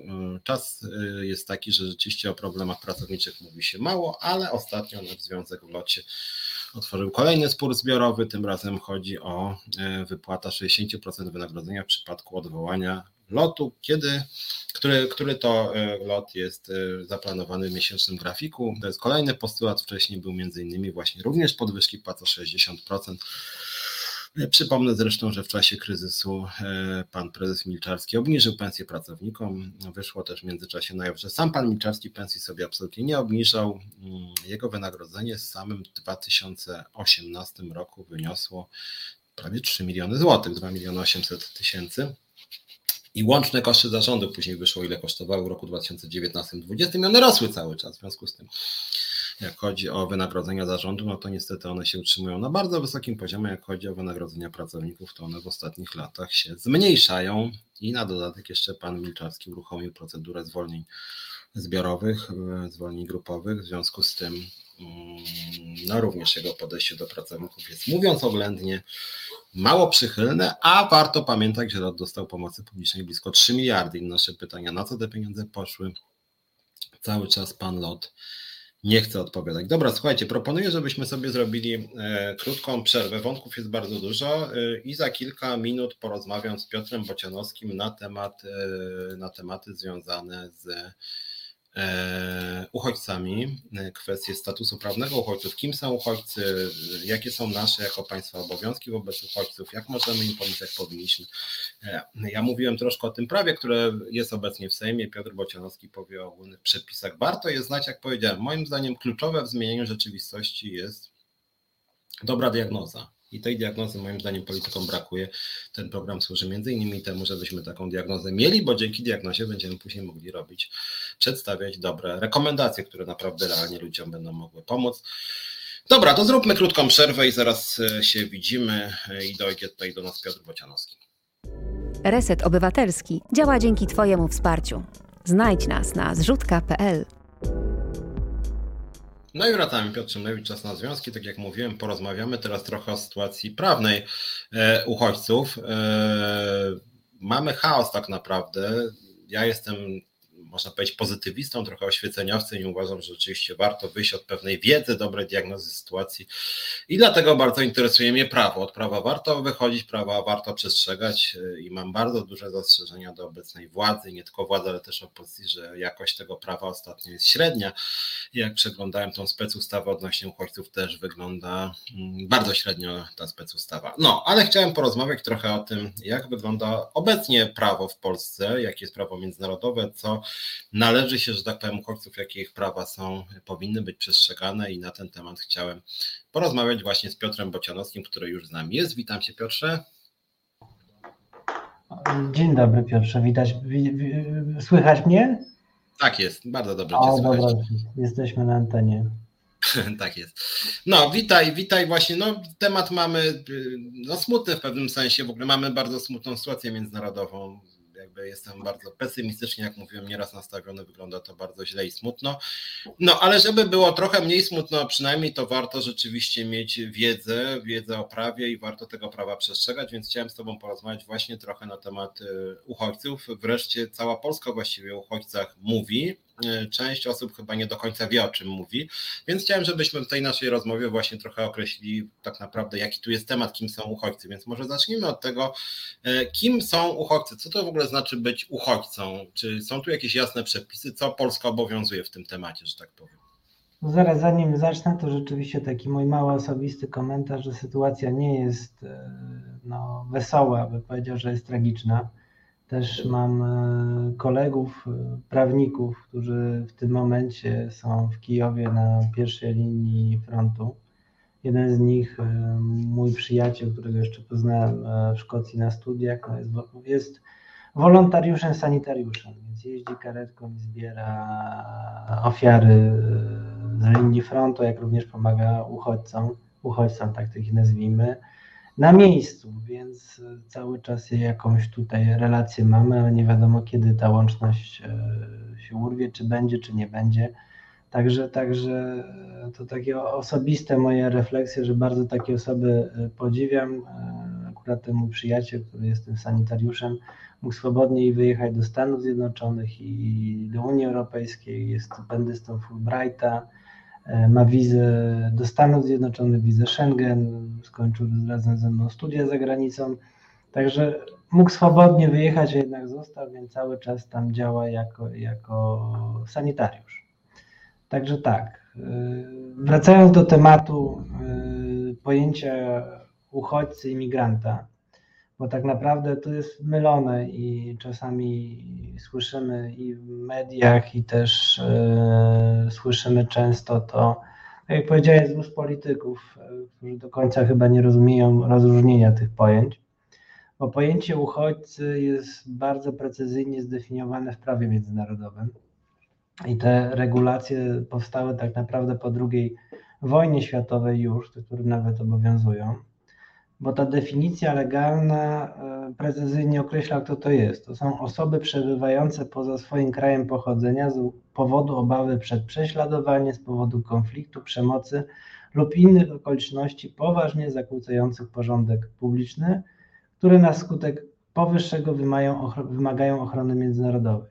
Więc tutaj się zapomina trochę o tym, że uchodźcy przede wszystkim nie są chronieni prawem krajowym, ale prawem międzynarodowym czy danemu krajowi to się podoba, czy też e, nie. E, dlaczego na przykład w tym kontekście dziwi mnie trochę deklaracja teraz Holandii, że ona uchodźców z Ukrainy to nie będzie e, przyjmować. Zaraz powiemy, dlaczego tak nie, nie może deklarować. Tak samo, czy też Polska, czy inny kraj, który działa w ramach systemu prawa Narodów Zjednoczonych, ONZ, tego robić nie może. E, więc uchodźca to jest taka osoba, która przekracza granicę w poszukiwaniu bezpieczeństwa w sąsiednich krajach. Tak? I te osoby są uznawane na forum międzynarodowym jako uchodźcy. I im przysługuje prawo, prawo do pomocy ze strony innych państw, ale także właściwych organizacji, czy też e, organizacji do spraw uchodźców Narodów Zjednoczonych i te osoby są uznawane tylko dlatego za uchodźców, bo ich powrót do domu jest zbyt niebezpieczny. I w przypadku takich osób odmowa azylu, jeszcze zaraz powiemy azylu, to śmiertelne niebezpieczeństwo dla nich. Inna kwestia to jest migrant, emigrant, migracja. To są zupełnie inne pojęcia, bo migracja to tak na poziomie prawa międzynarodowego nie jest y, precyzyjnie zdefiniowana, ale taką definicję możemy y, wnioskować, to znaczy jest to osoba y, podlegająca migracji. Migracja jest procesem dobrowolnym, czyli ktoś przekracza granicę nie dlatego, że chroni swoje życie, zdrowie, ale że szuka lepszych możliwości ekonomicznych, czyli przyjeżdża szukać pracy, tak, na przykład. I te osoby zakłada się, że mogą powrócić bezpiecznie do domu i te osoby tej ochrony takiej jak uchodźcy no nie mają. Tak? E, jeżeli chodzi o tą sytuację obecną, ale też nie, nie tylko obecną, bo problem uchodźców to jest problem znany od dziesięcioleci, który wiąże się z licznymi konfliktami zbrojnymi. Nie mów teraz Ukraina, to dotyczy Europy, wcześniej Afganistan, kraje afrykańskie. To nie, to nie, jest, to nie są nowe regulacje. I tak jak e, prawo międzynarodowe wymusza na, na krajach pewne regulacje, które e, przyznają prawo, e, prawo do szukania azylu, do uzyskania statutu uchodźcy. Czyli taki wniosek o status uchodźcy składają osoby, które właśnie przekraczają granice z uwagi na to niebezpieczeństwo i które no, nie mają e, takich dokumentów jak paszport biometryczny, wiza czy zezwolenie nawet na pobyt w Polsce. E, I co jest ważne, o tym jeszcze będziemy szerzej dzisiaj mówili, ale taka osoba, jeżeli uzyska taki status, e, ten pracodawca może zatrudnić bez uzyskania zezwolenia na pracę do tej osoby. To jest szczególny tryb e, dotyczący właśnie osób uchodźców, którzy mają status uchodźcy. E, I taką, taki status przyznaje obecnie, bo te regulacje mają być zmienione, jak, jak ty mówisz, ja się przysłuchiwałem nawet dzisiaj specjalnie przed programem dyskusji w Sejmie. Co z tego wyjdzie, to tego nie wiemy, masz rację, ale obecnie ten status jest udzielany przez szefa Urzędu do Spraw Cudzoziemców. On jakby po, po, wydaje tą ostateczną decyzję. Eee, no i to jest jeden problem, bo decyzja w sprawie udzielenia ochrony międzynarodowej, czyli status uchodźców, tak zwana ochrona uzupełniająca, no powinna nastąpić według przepisów, które obowiązywały, mam nadzieję, że zostaną zmienione, w terminie 6 miesięcy od dnia złożenia wniosku. A w szczególnych przypadkach może zostać przedłużony do 15 miesięcy. Eee, można wnosić o e, tryb przyspieszony, ale biorąc pod uwagę ilość uchodźców w naszym kraju, no to te terminy mogą być przedłużone do 15 miesięcy, jeżeli nie dłużej. Tak? Urzędnicy obiektywnie nie będą w stanie chyba tych wniosków rozpatrywać i będziemy mieli do czynienia mm, taką sytuacją, jak to jest w Kale. Nie wiem, czy oglądałeś, na BBC był reportaż wskazujący, że tam rozstawiono trzy stoliki i trzech urzędników brytyjskich miało zbierać te wnioski, a później się okazało, że nie mają druków i wszyscy muszą jechać do Paryża. Efekt był taki, że Przyznano na 14 tysięcy wniosków, chyba 30 rozpatrzono aplikację statusu uchodźcy pozytywny. No więc y, mam nadzieję, że e, to zostanie zmienione. Też musimy pamiętać, że zgodnie z obecnymi przepisami przez pierwsze 6 miesięcy trwania procedury obowiązuje zakaz zatrudnienia takiego, takiej osoby, cudzoziemca. No są zapowiedzi, że to będzie uproszczone, będzie skrócony czas oczekiwania na decyzję, e, przyspieszenie daty rozpoczęcia pracy po złożeniu odpowiedniego wniosku. Ja mam nadzieję, że to się stanie, bo, ja, bo te osoby, które przebywają e, na terenie Polski z Ukrainy, e, no to też szukają pracy, chcą pracować. Ja trochę sobie nie wyobrażam, że 6 miesięcy czekają, a ktoś wniosek rozpatrzy, czy są uchodźcą, czy nie. Co jeszcze istotne. E, no, zapowiedzi rządu są takie, że osoby, które uciekają z Ukrainy przed wojną, e, będą od razu mogły pracować e, i będą mogły pozostać na terenie Polski do 18 miesięcy. No ale to są zapowiedzi, to jak wiesz Piotrze, co z tego wyjdzie, zobaczymy po podpisie prezydenta. Na razie ogólnie nie, o, o, nie mówiąc tu, nie oceniając czy nie prezentując jakichś poglądów politycznych, to ta debata w Sejmie, jeżeli się jej przysłuchiwałeś, to no, pozostawia pewien niesmak, że w takiej jakby chwili trudnej się kłócimy i, i wracamy do tych swoich naszych małych sporów e, polskich, zamiast jednak się zmobilizować i wspólnie te przepisy zmienić i wspólnie opracować dalsze rozwiązania. Ciebie co, ja ci, że ci tylko przerwę na chwilę, bo trochę o tym mówiłem, że ja na przykład byłem zniesmaczony tą debatą parlamentarną, już niezależnie od barw politycznych, że tam ona była tak mało merytoryczna po prostu, dlatego że ja tu spraw widzę 5 tysięcy, na przykład to, że się proponuje jakieś świadczenie polski, polski Polakowi, który właśnie użyczy, że tak powiem, swojego lokum dla uchodźców i nawet tam nie było określonych jakichś kryteriów jakościowych, tak, czy to musi być 30 metrów na osobę, czy 20, czy 50, ile tam. I jakby aż się, głupio mówiąc, prosi o, o nieprawidłowości. Takie rzeczy powinny być prawnie dookreślone i niestety nikt, ani z władzy, ani z opozycji nie pytał o takie praktyczne sprawy i to, mnie to najbardziej bolało, bo tutaj jakby diabeł tkwi w szczegółach moim zdaniem, jak chodzi o tego typu problemy. Ja, ja znaczy wiesz co, to zaraz będziemy uchodźcom mówili, ale to, to ja się z tobą zgadzam, bo ja się obawiam. E, no natura ludzka jest taka, a nie inna, że jednak będą osoby się znajdą takie, które będą to nadużywały. I bez mhm. jakby precyzyjnych regulacji, wiesz, to, to może być tak jak przypadki były wykorzystywania Polaków w pracy na, na Zachodzie, to teraz to mogą być po prostu przypadki wykorzystywania trudnej, trudnej, tragicznej sytuacji ludzi z Ukrainy i bez jakiegoś precyzowania rzeczywiście, czy racjonalnego podejścia, jak ma to wyglądać, no, obawiam się nadużyć, tak? E, po prostu nadużyć i wykorzystywania tej trudnej e, sytuacji. Jeszcze chciałem powiedzieć, e, to jest ważne, jakie są prawa i obowiązki uchodźców i jakie są obowiązki państwa wobec uchodźców. My powiedzieliśmy o Holandii, bo przed chwilą tą informację gdzieś tam wyczytałem, że w dyskusji w parlamencie wskazano, że mm, no oni pomocy to nie będą, znaczy nie będą przyjmować, ale udzielą państwom, które przyjmują uchodźców niezbędnej pomocy. To jest kwestia powoływania się na pewien e, kruczek, no bo wyjaśniają, no, że przecież te osoby nie szukają w Holandii azylu, tylko szukają w Polsce, tym kraju bezpośrednio sąsiadującym z Ukrainą. A jeżeli tak, no to to nie jest sprawa Holandii. Trochę tak to, wiesz co, odniosłem i jest to troszeczkę przykre. Jeżeli chodzi o reżim e, prawny, który chroni uchodźców, to jest kwestia, to jest kwestia tak zwanej międzynarodowej ochrony uchodźców. E, stworzony już w, po wojnie, tak jak powiedziałem, po II wojnie światowej i między innymi tutaj taką regulacją podstawową to jest artykuł 14 Powszechnej Deklaracji Praw Człowieka, powszechnej, czyli obowiązującej kraje e, Narodów Zjednoczonych, Organizacji Narodów Zjednoczonych. E, tutaj podkreślono, że, taka, że każdemu człowiekowi przysługuje prawo do ubiegania się o azyl i korzystania z azylu. I to zostało doprecyzowane w konwencji dotyczącej uchodźców już z 1951 roku.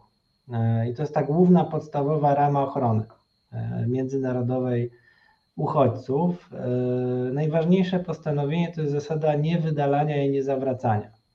Czyli to jest zakaz przymusowych powrotów. No i to jest jakby fundament.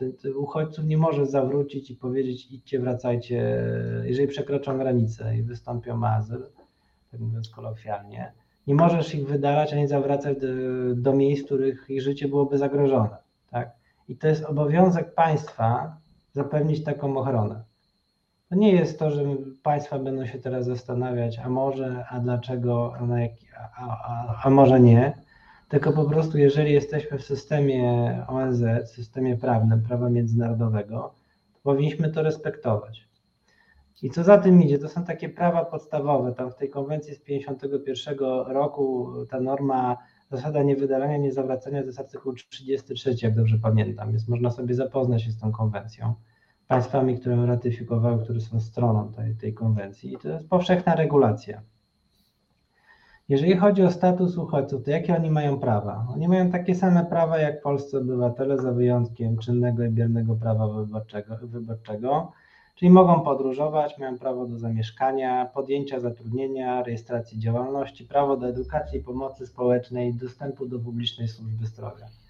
Więc takie trochę tłumaczenie, że trzeba nadać PESEL, żeby korzystać z ochrony, no to mnie trochę dziwi, dlatego że z tych międzynarodowych regulacji, jeżeli ktoś ma status uchodźcy nadany przy, przez urząd, no to ma prawo do tego, żeby korzystać ze służby zdrowia. To jest kwestia że mamy sytuację bezprecedensową, największym jakby największym przybyciem uchodźców do Unii Europejskiej, w ogóle do, do Europy w historii po II wojnie światowej. E, I rzeczywiście to jest problem, ale ta ochrona międzynarodowa uchodźców już istnieje. Oczywiście tam są wyłączenia e, ustawowe dotyczące takich zawodów, gdzie jest konieczne obywatelstwo polskie. Sędzia, prokurator, tego typu mm. rzeczy. No i tak samo jak każdego innego pracownika, poza tymi wyjątkami, można uchodźcę zatrudnić. Podobny status mają osoby, e, cudzoziemcy mające ochronę uzupełniającą pobyt tolerowany czy ochronę humanitarną. Są takie odrębne kategorie. To też taka pewna nowość, że od poniedziałku 7 marca na terenie całej Unii Europejskiej obowiązują przepisy przyznania uchodźcom z Ukrainy prawa legalnego pobytu i dostępu do rynku pracy na terenie całej Unii Europejskiej. Więc trochę to wystąpienie dzisiejsze Holandii mnie zdziwiło, bo de facto na mocy tych regulacji no, mogą podjąć pracę na terenie całej Unii e, e, Europejskiej. Co jest ważne, to pracodawca ponosi ryzyko sprawdzenia, czy dana osoba jest, ma status uchodźcy.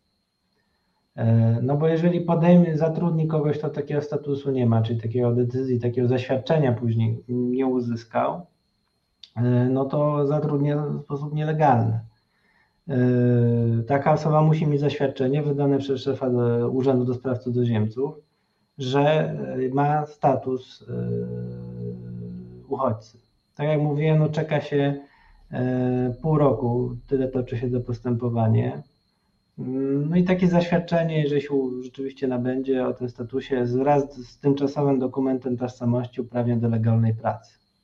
Hmm. E, teraz są pewne uproszczenia dla obywateli Ukrainy, to znaczy są, że tak powiem, e, pewne tutaj wytyczne, informacje e, mówiące o tym, że obywatele Ukrainy powodu wojny, którzy opuszczają swój kraj, no nie muszą się rejestrować w punktach recepcyjnych, nie muszą składać wniosków w Urzędzie do Spraw Cudzoziemców e, i też nie muszą wyjeżdżać z naszego kraju. E, I tak samo mają prawo do tej pomocy medycznej, no ale brak jest, tak jak mówiłeś, e, powiedzmy tych regulacji szczegółowych, które by tutaj stanowi dobrą podstawę prawną doprecyzowującą normy międzynarodowe, które istnieją, tak jak mówię, od czasów po II wojnie światowej.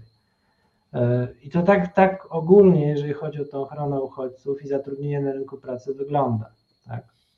Na no pewno tak, to Chciałem jakby, żeby jeszcze te wątki zamknąć, o których już mówiłeś, bo to, co mi się narzuca, ja wiem, że PiSowi jest trochę głupio, bo też nasi widzowie tutaj piszą, że co zrobiliśmy, jak chciano do, do nas przysłać uchodźców. Holandia robi to samo, co my zrobiliśmy kilka lat temu. No właśnie, jak się, e, jak się ma do, tej, do tych praw uchodźców ten tak zwany mechanizm relokacji w ramach Unii Europejskiej? Jak, jak to jest, jak chodzi o prawo międzynarodowe? No bo teraz tak naprawdę ja mam bardzo krytyczne podejście do tego, co robi polski rząd w sprawie uchodźców. Jak czytałem tą specustawę, moim zdaniem ona jest po prostu źle przygotowana i niedopracowana, ale jeżeli jeżeli e, uchodźców do Polski przybędzie na przykład 3 miliony, to nawet jakbyśmy mieli świetny rząd, no to pewnie miałby kłopot, tak? bo po prostu bardzo trudno w krótkim czasie jest, jest e, elementarnie godnie e, wesprzeć 3 czy 4 miliony ludzi. W związku z tym przydałby się jakiś mechanizm chyba relokacji, żeby właśnie uchodźcy byli przyjęci przez Włochy, Francję, Belgię i inne kraje. Jak, jak jest właśnie z tą relokacją? Czy to jest kwestia decyzji uchodźcy, czy, czy, czy, czy, czy, czy, czy to jest jakaś zgoda, czy to jest legalne? Jak to wygląda? No, no obecne deklaracje Unii Europejskiej, to co wspominałem, e, czy też te rozwiązania, które przyjęto, no to polegają na tym, że jest pewna dobrowolność dla uchodźców z, z Ukrainy, podkreślam, przemieszczania się po Unii Europejskiej, szukanie zatrudnienia.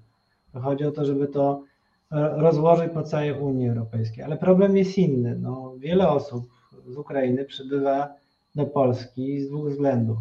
Po pierwsze, ma tu rodziny, które pracują, które już są na miejscu. Po drugie, zbieżność języka i łatwość porozumiewania się.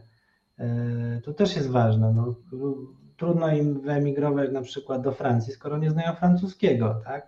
A jeżeli chodzi o polski, to, to jest łatwo. No jest blisko tak oceniając ja wiele osób y, przybywających z Ukrainy, oni liczą, że oni wrócą do swoich y, domów e, i wrócą do ojczyzny. Tak? To nie jest, to nie jest, to jest jakiś może mit mówiący o tym, że, że tu te 4-5 milionów ludzi zostanie. Oni po prostu się chronią, bo, bo walczą o życie i zdrowie.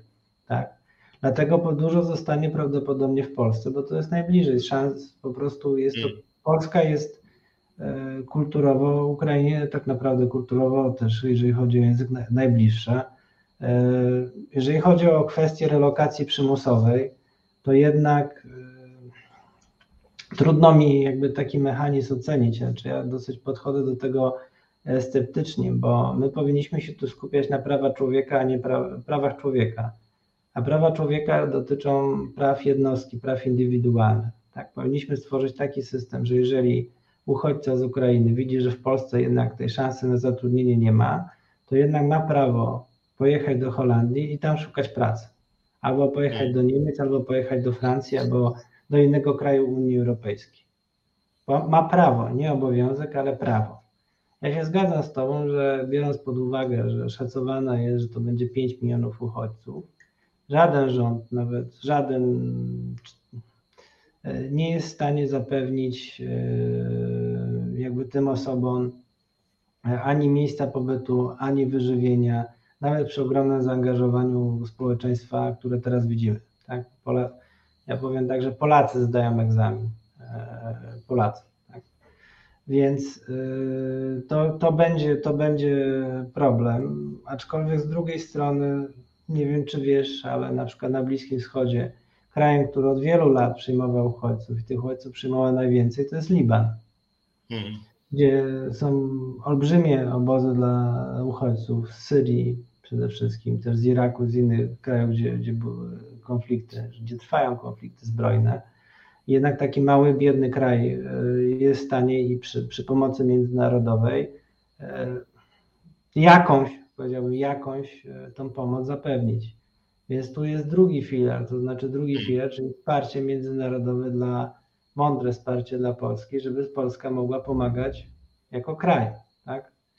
E, mhm. Więc jakby ja widzę e, nie, rozwiązanie nieprzymusowym e, systemie relokacji, dlatego że to są, to jest, priorytetem są prawa człowieka, prawa uchodźcy, gdzie on chce jechać, gdzie on chce podjąć zatrudnienie, gdzie on się czuje bezpiecznie i gdzie ma szansę na nowe życie. Może też te, tego, tego nie chcieć e, po prostu jechać gdzie indziej, bo chce wrócić e, w tym przypadku na Ukrainę, bo liczy na to, że to się skończy, wróci po prostu do domu, bo Ukraina jest jego domem.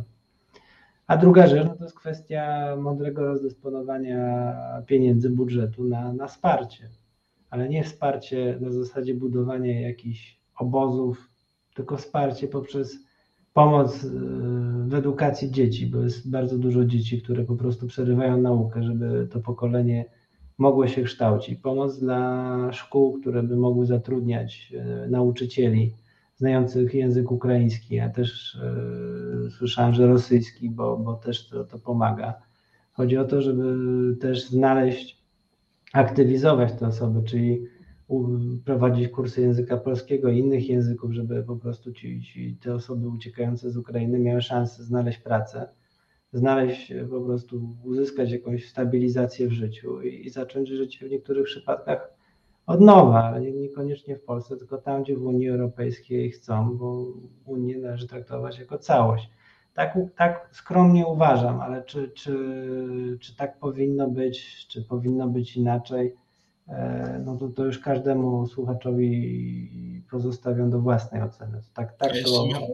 Mhm. A mam takie, takie pytanie odnośnie tego tej wątku pracy, do którego też chciałem przejść, bo jaka była logika, e, że tak powiem, ustawodawcy światowego, że tak powiem, tego ustawodawstwa ONZ-owskiego, jak chodzi o to, żeby przez pół roku właśnie e, osoby, które, że tak powiem, startują o to, znaczy, że chcą, chcą mieć to miano uchodźcy, żeby oni nie pracowali. Jaki to był?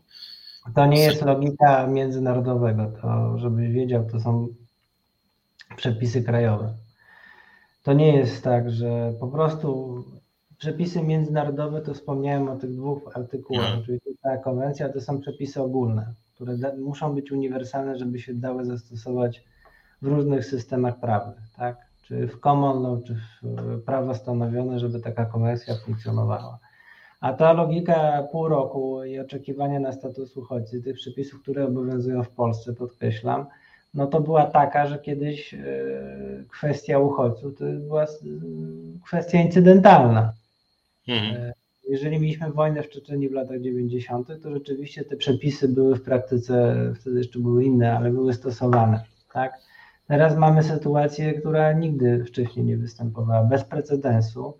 E, I te przepisy muszą być zmienione, no bo przez 6 miesięcy to osoby, znaczna ich część będą chciały podjąć pracę, tak?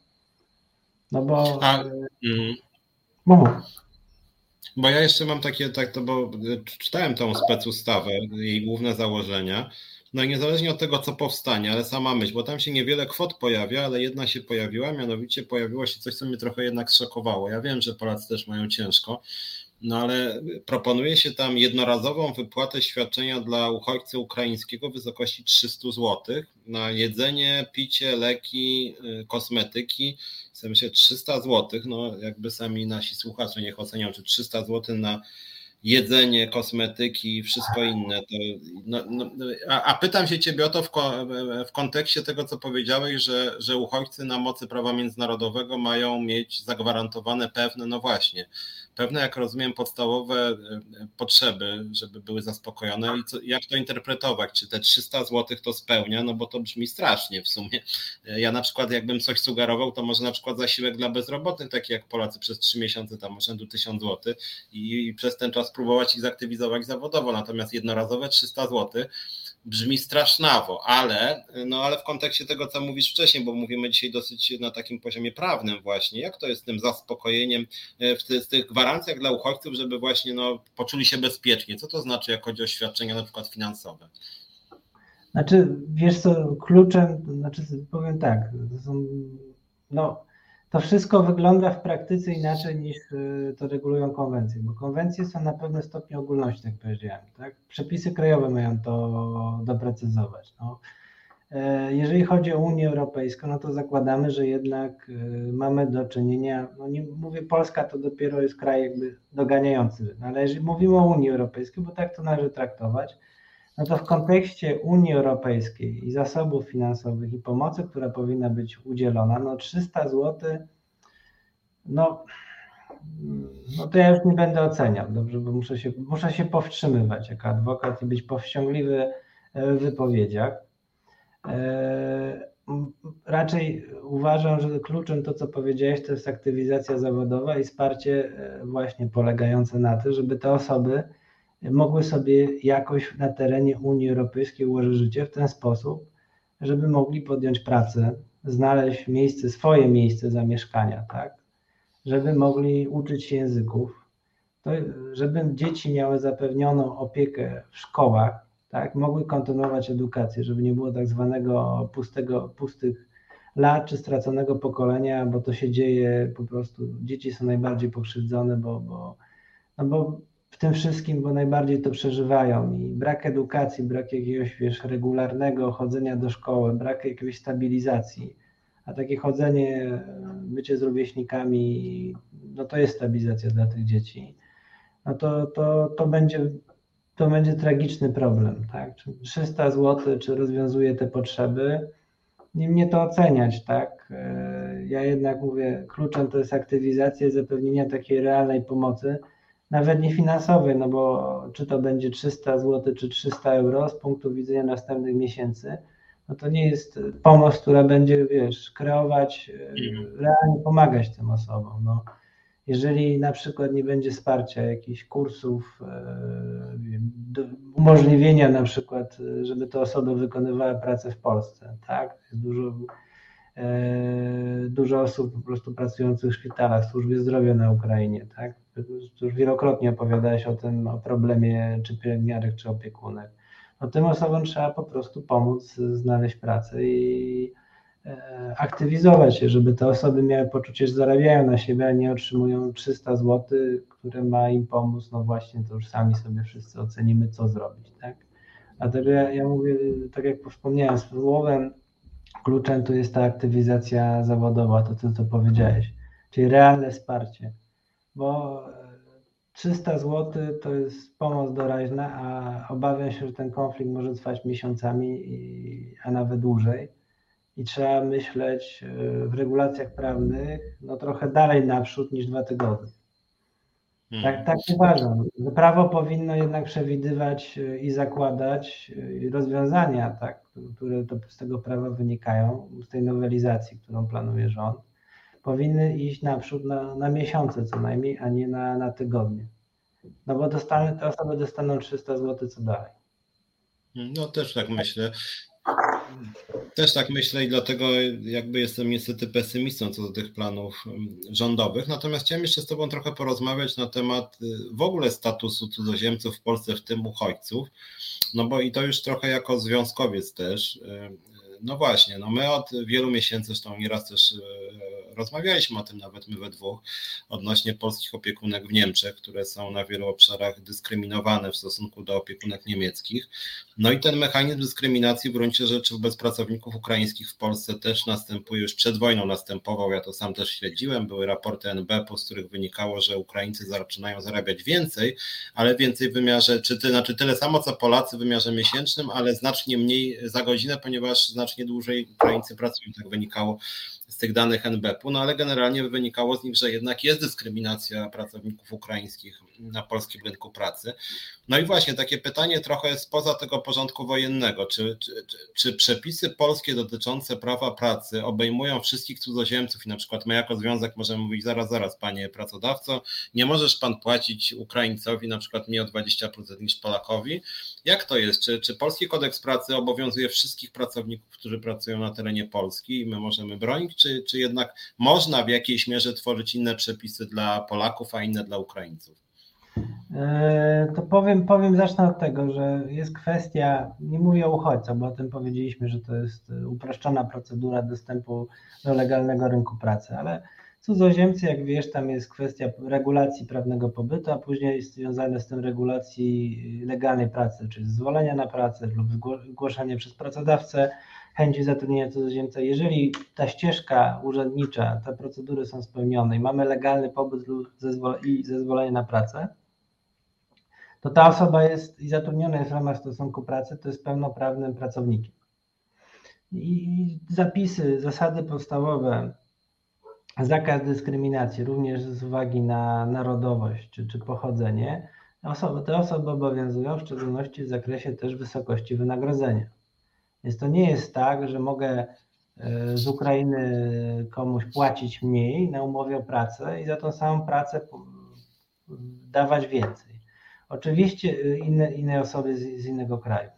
Oczywiście w praktyce, niestety, i to nie, nie mówię nie w Polsce, bo w Wielkiej Brytanii, bo tam, gdzie Polacy pracują, e, to do końca to równe traktowanie nie jest zachowywane. Tak jak powiedziałeś o nie, przykład Niemiec, przykład Wielkiej Brytanii, czyli systemów prawnych, systemów ochrony pracy wypracowanych przez, e, już powiedziałbym, setki lat, a nie E, nie, nie tak jak u nas 30 lat tak naprawdę, e, no może trochę więcej, od lat 70. się, tworzymy to prawo pracy, ale e, to no zasady w Unii Europejskiej jest jasne, no nie możesz dyskryminować, czyli ze względu na narodowość dawać mniejsze wynagrodzenie niż osobie na przykład z, pochodzącej z Niemiec, z Polski, biorąc pod uwagę Unię Europejską. Więc y, płaca minimalna dotyczy pracowników w rozumieniu kodeksu pracy ustawy o minimalnym wynagrodzeniu. I to by było no, no niezgodne z istotą prawa pracy, że kogoś dyskryminujemy. Oczywiście praktyka jest różna. Mi się zdarzało prowadzić sprawy już znacznie, znacznie wcześniej niż, niż obecna sytuacja dotycząca między innymi to tak ogólnie powiem tajemnica adwokacka naukowca z Ukrainy, który rzeczywiście został zwolniony e, pozornie, żeby zrobić miejsce dla e, osoby o innej narodowości. Po prostu go zwolniono i myśmy wykazali w sądzie, że to jest nieprawda, że były środki na jego dalsze zatrudnienie, on dostał odszkodowanie, już nie chciał tam wracać, po prostu miał stypendium zagraniczne i wyjeżdżał do Stanów Zjednoczonych.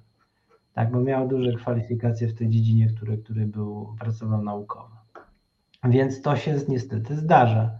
Ale zasady, prawo, kodeks pracy tego jakby zakazuje takiego dyskryminacji. Dyskryminacji, czyli nierównego traktowania z uwagi na zakazane kryterium, w tym przypadku pochodzenie, narodowość. Tak? To jest po prostu pracownik. Mm, no bo ja się tego jednak obawiam, że takie, dlatego też zwróciłem uwagę nawet na te 300 zł jako świadczenie, to nie jest wynagrodzenie, to jest raczej świadczenie socjalne, ale już teraz jest w Polsce właściwie wielka dyskusja, o tym właśnie, jakie mają być świadczenia dla Ukraińców i z których świadczeń mają korzystać. No i dlatego zacząłem się zastanawiać, czy, czy to właśnie nie powstaną jakieś dwa obiegi prawne, że tak powiem, że jeden będzie dla Polaków, a drugi dla, dla Ukraińców. Już widzę, że tak rząd zastanawia się, który zasiłek Ukraińcom przyznamy, a którego nie przyznamy. Ten przyznamy, bo wypada, tego nie przyznamy, bo za drogi. E, e, ja tą logikę mogę nawet jakoś tam zrozumieć, zresztą widzę, że część społeczeństwa też mówi, żeby tam oszczędzać, no ale z perspektywy rozumiem takiego uniwersalności przepisów prawa, no to jednak jest dyskusyjne trochę, że, że tutaj właśnie no na przykład e, Polak zasiłek dla bezrobotnych 1000, a Ukrainiec 300 zł jednorazowe świadczenie. Znaczy ja wiem, że że jak chodzi akurat o zasiłek dla bezrobotnych, no to zresztą inne kryteria, więc, więc akurat tym Ukraińcom by on nie przysługiwał, bo nie przepracowali tutaj żadnych lat w Polsce. No ale z drugiej strony, czego dobrym przykładem nawet są polskie opiekunki w Niemczech, że jednak częściowo są dwa obiegi prawne i nawet są takie, że tak powiem, myki niekiedy, że na przykład ci pracownicy mogą mniej zarabiać, bo na przykład, no nie wiem, nie przeszli jakichś kursów krajowych, które pozwalają na wyższe wynagrodzenia, tak? I pewnie w Polsce też tego, tego typu sytuacje mogą mieć miejsce. No, niestety może to się wydarzyć, aczkolwiek na dzień dzisiejszy no nieskazane jest tworzenie dwóch, dwóch praw, praw pracy, tak? I różnicowanie ludzi z uwagi na narodowość. E, oczywiście no, wynagrodzenie powinno być adekwatne do kwalifikacji E, obiektywnie patrząc, te osoby, tak jak mówiłem, problemem uchodźców z Ukrainy to, że tych kwalifikacji nie wszystkie mają, więc system powinien umożliwić, że jeżeli ktoś jest zdolny, chce, to te kwalifikacje uzyskuje. Jeżeli ma takie same kwalifikacje jak Polak, no to zgodnie z kodeksem pracy ma zarabiać tyle samo. To jest, to jest dosyć obiektywna analiza. No, jeżeli ktoś ma takie samo wykształcenie, takie doświadczenie i takie same wyniki, to zarabia tyle samo. I nieważne, czy on pochodzi z Ukrainy, z Rosji, czy, czy z Niemiec, czy z Polski. Tak, to jest wszystko po prostu no, w, jakim, jakimś e, zakre, zakresie już uregulowane i obowiązuje. E, oczywiście praktyka może być różna, to się zgadza, że może być niestety wykorzystywanie tych osób, ich trudnych sytuacji i wymuszanie, że, będą, że mają zarabiać mniej w tak zwanej szarej strefie i stawianie ich pod ścianą co miało miejsce wielokrotnie też w stosunku do Polaków, na przykład emigracja lat 80., tak? Z przyczyn politycznych. Też jakby wymuszano, że no to teraz albo praca za to, albo w ogóle. Ja się obawiam, że taką sytuację możemy mieć też teraz w Polsce. Niestety, ale biorąc pod uwagę system e, polskiego prawa pracy, to te gwarancje są. Po prostu pracownik jest pracownikiem. Mhm. A tak jeszcze podsumowując, e, e, ty jesteś prawnikiem polskim w Polsce. Czy w momencie, kiedy przyjeżdżają tutaj uchodźcy, to czy ty masz prawo ich reprezentować, a oni mają prawo, że tak powiem, żebyś ty ich reprezentował w dowolnej sprawie, czyli nie wiem, kwestia, nie wiem, napadu, okradnięcia, e, rabunku i tak dalej. Jaka jest sytuacja właśnie prawna pod tym względem uchodźców? Jak, jak najbardziej mogę reprezentować i reprezentuję, znaczy reprezentowałem też przed tym jakby sytuacją, która jest obecnie. E, więc to jak najbardziej. Też miałem sprawę obywateli Algierii i Ukrainy i to zdecydowanie parę lat wcześniej e, niż ta sytuacja, która ma miejsce teraz. Ja jakby uważam, że e, dla mnie nie ma różnicy, jeżeli chodzi o, narodowość klienta. Tak? Mi się zdarzyło w praktyce też pomagać różny, różnym osobom i też takim, które na przykład musieli wyjechać z Algierii, bo, bo byli nierówno traktowani z uwagi na to, że ta osoba akurat była kobietą. Tak? Ale też, jak mówiłem, sprawa tego ukraińskiego naukowca, który rzeczywiście był zdolny, ambitny, aczkolwiek musiał zrobić miejsce dla kogoś innego i tutaj tę sprawę wygrał e, w Polsce, udowadniając, że tak naprawdę środki na jego zatrudnienie nie było. Także to, to ja jakby mogę reprezentować i ja też nie, nie widzę e, różnicy, tak, jeżeli chodzi o mocodawcę mojego klienta, skąd on pochodzi. E, czyli tak, mhm. czyli tak jakby kończąc rozmowę, to rozumiem, że właściwie e, gdyby rząd nawet nie przyjął żadnych przepisów, żadnej specustawy, to w gruncie rzeczy ogólne zasady dotyczące uchodźców właściwie sporo im gwarantują, to znaczy gwarantują im w zasadzie równość z polskimi obywatelami. No za, za, za to, o czym wspomniałem, za wyjątkiem praw wyborczych i określonych tam wyłączeń dotyczących poszczególnych zawodów, prokurator, sędzia, tam gdzie jest obywatelstwo polskie wymagane, to tak. Status uchodźcy e, powoduje gwarantowanie tych praw. Bo mówimy cały czas o uchodźcach, nie mówimy o emigrantach, to żebyśmy hmm. rozróżniali, bo ja to widzę, że nawet w ławach sejmowych e, to, to chyba nikt nie rozumie, niektórzy nie rozumieją e, różnicy, tak? Że tu nie ma możliwości kogoś odesłania z powrotem, jeżeli jego jest życie zagrożone, tak? jeżeli grozi mu śmierć, e, jeżeli jego dom jest bombardowany. To są regulacje ONZ-owskie, tak? Jeżeli po prostu myślimy inaczej, to, to, to mnie trochę dziwi, że możemy myśleć inaczej. To, to nie jest jakaś nowe, że to w zeszłym tygodniu ktoś wprowadził. Mhm. Chociaż właśnie tak sobie pomyślałem, że właśnie na podstawie tego, co mówisz, być może nawet lepiej by się stało, gdyby, gdyby nawet nie przyjęto żadnej ustawy nowej, tylko zinterpretowano na rzecz jakby polskiego ustawodawstwa tą konwencję ONZ-u po prostu.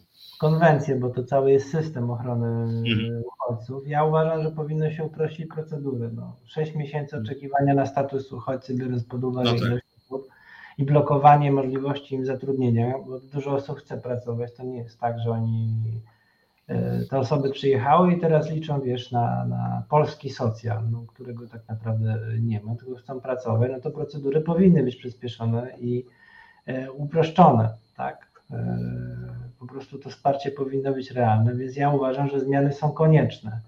Czy dać 300 zł, czy dać za przyjęcie do domu 120 zł, czy, czy tam ile jest, ja już tych to już jest inna ocena, tylko po prostu procedury przede wszystkim. Tak jak mówisz, dopracowanie tego, co jest, no, otworzenie tych jednak konwencji i zobaczenie regulacji, które są, czy one się sprawdzają przy takiej ilości ludzi, czy nie. No, na pewno kończąc, procedury powinny być y, uproszczone, bo mamy do czynienia y, nie z dziesięcioma tysiącami uchodźcami, tylko z powyżej miliona osób, tak, którym trzeba mm. po prostu ten status E, zapewnić, uregulować, e, dać możliwość zatrudnienia. No. A nie blokowanie przez 6 miesięcy, no bo 300 zł na pewno na 6 miesięcy chyba nie wystarczy. Aż to nie mnie, nie mnie oceniać, tak? No tak, raczej nie. No ale dobra, dziękuję Ci bardzo. Tak mnie to zainspirowało, że właśnie może raczej wypadałoby te konwencje interpretować niż tworzyć na kolanie jakieś pospieszne przepisy, gdzie jeszcze jakiś rząd jakieś wrzutki daje o bezkarności urzędników. E, może to byłby lepszy trop. No dobra, bardzo Ci dziękuję. Myślę, że ja sytuacja się będzie dynamicznie zmieniać moim zdaniem, więc, więc za jakiś czas pewnie wrócimy też do tematu, jak to będzie z tą tak. implementacją przede wszystkim właśnie tych konwencji ONZ-owskiej. Mm, no mam takie wątpliwości, czy to będzie wszystko działało tak jak powinno, ale może mogę się miło rozczarować, no kto wie, chociaż e, sytuacja międzynarodowa wiemy, że jest ponura, więc w dobrym kierunku to wszystko nie idzie. Ja, ja mówię, to co, ja mam nadzieję, że po prostu jakiś pokój będzie osiągnięty i będzie normalizacja tej sytuacji, no ale zobaczymy, tak. Także dziękuję Ci Piotrze i do usłyszenia. Do usłyszenia w kolejnym pewnie audycji. No, dzięki. Do widzenia. Na razie. Cześć Piotrze. No, a ja jeszcze chciałem słów parę, tak dlatego z Piotrem tak 10 minut chciałem sobie zostawić, żeby jeszcze o kilku wątkach e, powiedzieć, e, o kilku swoich niepokojach e, związanych nie tylko z uchodźcami, chociaż to jest bardzo ważny oczywiście temat. Mówiłem o, o locie, mówiłem o ZUS-ie, mówiłem trochę o naszej akcji, że zachęcam Was też do, do, do datków na związkową alternatywę i chcemy właśnie robić takie centrum dla porad rad prawnych dla uchodźców, e, ukraińskich pracowników. Natomiast chciałem jeszcze powiedzieć o kilku sprawach, mianowicie między innymi o tym, że z nieznanych mi przyczyn w Polsce już się w ogóle nie mówi o koronawirusie. Dzisiaj 200, bodaj około 240 ofiar śmiertelnych. To jest jeden z najgorszych wskaźników w Europie. Jesteśmy cały czas w czołówce świata, jak chodzi o liczbę ofiar nadwymiarowych zgonów. Mamy już chyba ostatnie miejsce w Unii Europejskiej. Rząd obecnie już nic nie robi z koronawirusem. Wśród pracowników ukraińskich, wśród uchodźców ukraińskich i w ogóle wśród Ukraińców po prostu wskaźnik zaszczepień wynosi z tego co pamiętam 36%, czyli bardzo, bardzo mało, jeszcze mniej niż w Polsce gdzie niecałe 60. No i cóż, no i wydaje mi się, że jak chodzi o ochronę zdrowia Polska, bardzo źle funkcjonuje i ani nie jest przygotowana na przyjęcie uchodźców, ani nie jest e, przygotowana na przyjęcie, że tak powiem, swoich obywateli. PiS e, to jest taka dziwna partia, która w 2020 roku mm, zmniejszyła wydatki na ochronę zdrowia. E, był to jedyny rząd w Unii Europejskiej, właśnie, który te wydatki w stosunku do PKB zmniejszył. Taki smutny, że tak powiem, wyjątek. Właściwie moim zdaniem to powinna być dymisja rządu, no ale nic takiego się nie zdarzyło. Zaciekawiły mnie badania, które były przeprowadzone prowadzono ostatnio.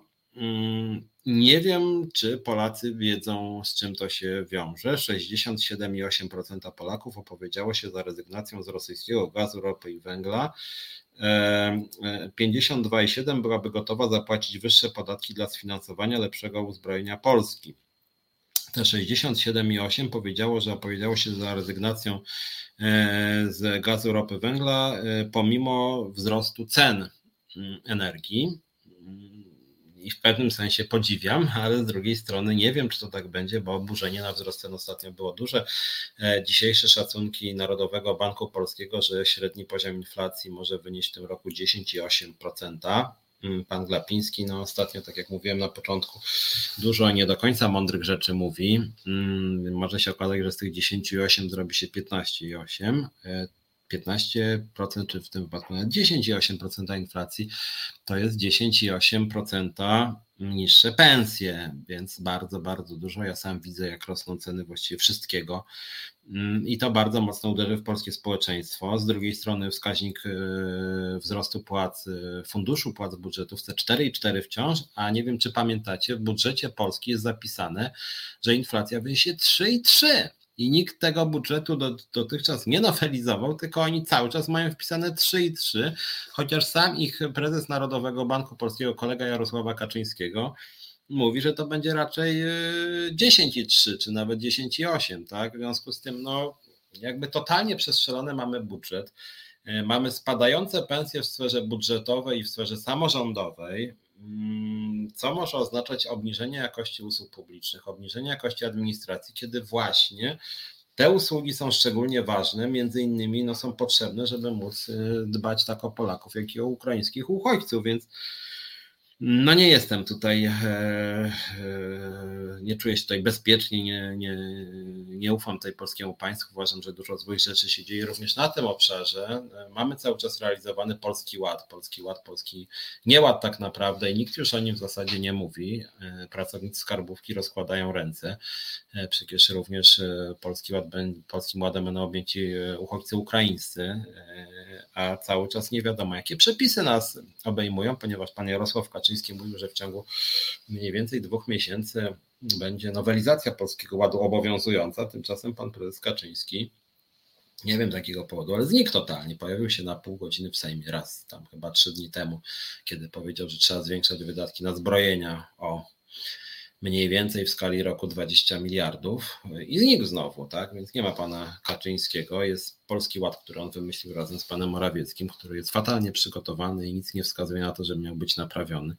Może wypadałoby go zawiesić, no coś, coś trzeba z nim zrobić, tak czy inaczej, podatki będziemy będziemy płacić. Kolejna sprawa, mm, być może ważna dla związków również, mianowicie, nie wiem czy zauważyliście, y, temat właściwie polityczny, ale jakoś tam doniosły chyba, y, mianowicie kryzys wizerunkowy i w ogóle kryzys Konfederacji. Ja w tym programie rzadko mówię o sprawach bezpośrednio partyjnych czy politycznych, ale akurat mówię to w tym kontekście, że pomijam to, że pan Brown i pan Korwin-Mikke to ludzie mądrzy, moim zdaniem nie są. Ich e, fala obrzydliwych e, wypowiedzi, ksenofobicznych, nienawistnych, ee, takich po prostu obrzydliwych, i przy okazji proputinowskich na dodatek jeszcze, ale w kontekście tego programu, w którym jesteśmy teraz i który prowadzę, Konfederacja jest partią skrajnie antypracowniczą, antyzwiązkową, antysocjalną. Dzisiaj pan Berkowicz y, z Konfederacji mówił rzeczy jakieś potworne, to znaczy aż takie groteskowe bym powiedział. Mianowicie pan Berkowicz z Konfederacji mówił w Sejmie o tym, że trzeba obcinać fundusze świadczenia socjalne, że nie należy Ukraińcom dawać dokładnie nic, dlatego że to jest socjalizm i trzeba odchodzić od socjalizmu, więc nic nie dawać Ukraińcom i ciąć wydatki również na polskich obywateli, więc jakby trudno wybrać sobie mm, gorszy motyw, gorszy, gorszy czas niż na takie deklaracje po prostu, tak, że tutaj potworna inflacja, kryzys gospodarczy, cały czas epidemia koronawirusa, milion dwieście tysięcy uchodźców, a ten człowiek mówi coś, że trzeba ciąć wydatki socjalne. E, niszczyć służbę zdrowia dalej, rozumiem, ograniczać e, e, pracę pracowników socjalnych, ograniczać wydatki na szkolnictwo, to jest jakiś absurd po prostu, więc moim zdaniem to jest jakaś totalna kompromitacja Konfederacji jako pewnej mm, wizji państwa. I nie mówię tylko o wygłupach Brauna i Korwin-Mikkego, ale w ogóle jako formacja, która chce niższych podatków, cień socjalnych, no jest to, znaczy dzisiaj jest to szczególnie absurdalne i szkodliwe głoszenie tego typu poglądów. E, kolejna sprawa to jest kwestia integracji europejskiej. Trwa taka dyskusja na temat tego, jak powinna funkcjonować Unia Europejska. Jak wiecie, również polska waluta jest w nieciekawej dosyć kondycji, zbliża się do 5 złotych. I cóż mogę powiedzieć? Moim zdaniem Polska powinna wstąpić do strefy euro. Y, mówię to jako obywatel, ale mówię, że też jako związkowiec jest to bardzo skądinąd ciekawy temat, na ile Polska powinna się integrować z Unią Europejską. I mówię to, jak powiedziałem, jako związkowiec też uważam, że Polska powinna się integrować również socjalnie warto by się zastanowić nad e, europejskimi, unijnymi układami zbiorowymi, nad unijnymi, przynajmniej takimi fundamentami praw socjalnych, unijnymi fundamentami kodeksu pracy, być może jakimiś unijnymi widełkami podatkowymi. Pamiętajcie o tym, że pomysł na Unię Europejską no to był pomysł na taką ciasną integrację również w wymiarze społeczno-gospodarczym, więc jeżeli Unia ma zachować spoistość i ma skutecznie walczyć z kryzysami, to musi mieć pewne parametry wspólne, jak mówię, być może nie chodzi to o jakiś jednolity system podatkowy, jednolitą wizję polityki społecznej Unii Europejskiej. Natomiast myślę, że dobrym pomysłem byłoby to, żeby rzeczywiście tworzyć właśnie jakieś europejskie układy zbiorowe dla poszczególnych branż, nawet pracowników, e, żeby bardziej koordynować działania, chociażby po to, żeby sobie radzić z takimi tragediami i wyzwaniami jak epidemia koronawirusa czy wojna bardzo blisko granicy, tak. Jednym z głównych problemów, jak chodzi o koronawirusa, był brak koordynacji, tak, że poszczególne kraje stosowały własne polityki, nie było tej koordynacji. Jedne kraje zamykały granice, drugie otwierały, jedne jakieś paszporty, drugie, nie, drugie brak paszportów, jedne pozwalały latać, inne nie pozwalały. I tak człowiek trochę nie wiedział, jakie ma prawa w gruncie rzeczy, więc myślę, że dzisiaj e, też w kontekście wojny w Ukrainie kwestia integracji europejskiej stała się tym bardziej aktualna i pomysł, żeby zacieśnić integrację europejską, moim zdaniem, jest szczególnie mm, dobry po prostu, tak? I się dziwię, że również ze środowisk opozycyjnych e, mało jest takich głosów na rzecz pogłębionej integracji europejskiej, również przyjęcia przez Polskę, przez Polskę euro i wejścia do strefy euro. Eee czy może, może to dobrze, jeżeli urzędnicy z USIKAS będą bezkarni? Nie, no chyba nie dobrze. Nikt, żaden z urzędników nie chce być bezkarny. Urzędnicy chcą mieć po prostu jasne przepisy, jak mają funkcjonować. No, nikt nie powinien być bezkarny, ani obywatele pracujący w sektorze prywatnym, ani publicznym. Jak ktoś łamie prawo, to pewnie za to odpowiadać. Natomiast problem polega na tym, że ci najwyżsi urzędnicy za nic nie odpowiadają, jak pan Szumowski na przykład albo pan Sasin. Dobra, słuchajcie, będę, będę kończył. E, bardzo wam dziękuję za dzisiejszy dzień. No jest trochę smutno mm, i te moje programy pewnie też są takie trochę bardziej markotne, bo sytuację mamy smutną tak, e, za naszą wschodnią granicą, jak i w Polsce robi się coraz mniej wesoło. No ale nic, jak jest tak smutno, to cóż, jest nadzieja, że może coś nas pozytywnego zaskoczy i może za tydzień będzie po prostu lepiej. Bardzo Wam dziękuję, widzimy się i słyszymy za tydzień, a w piątek z Żeniakiem podsumujemy tydzień. Na razie. Reset Obywatelski.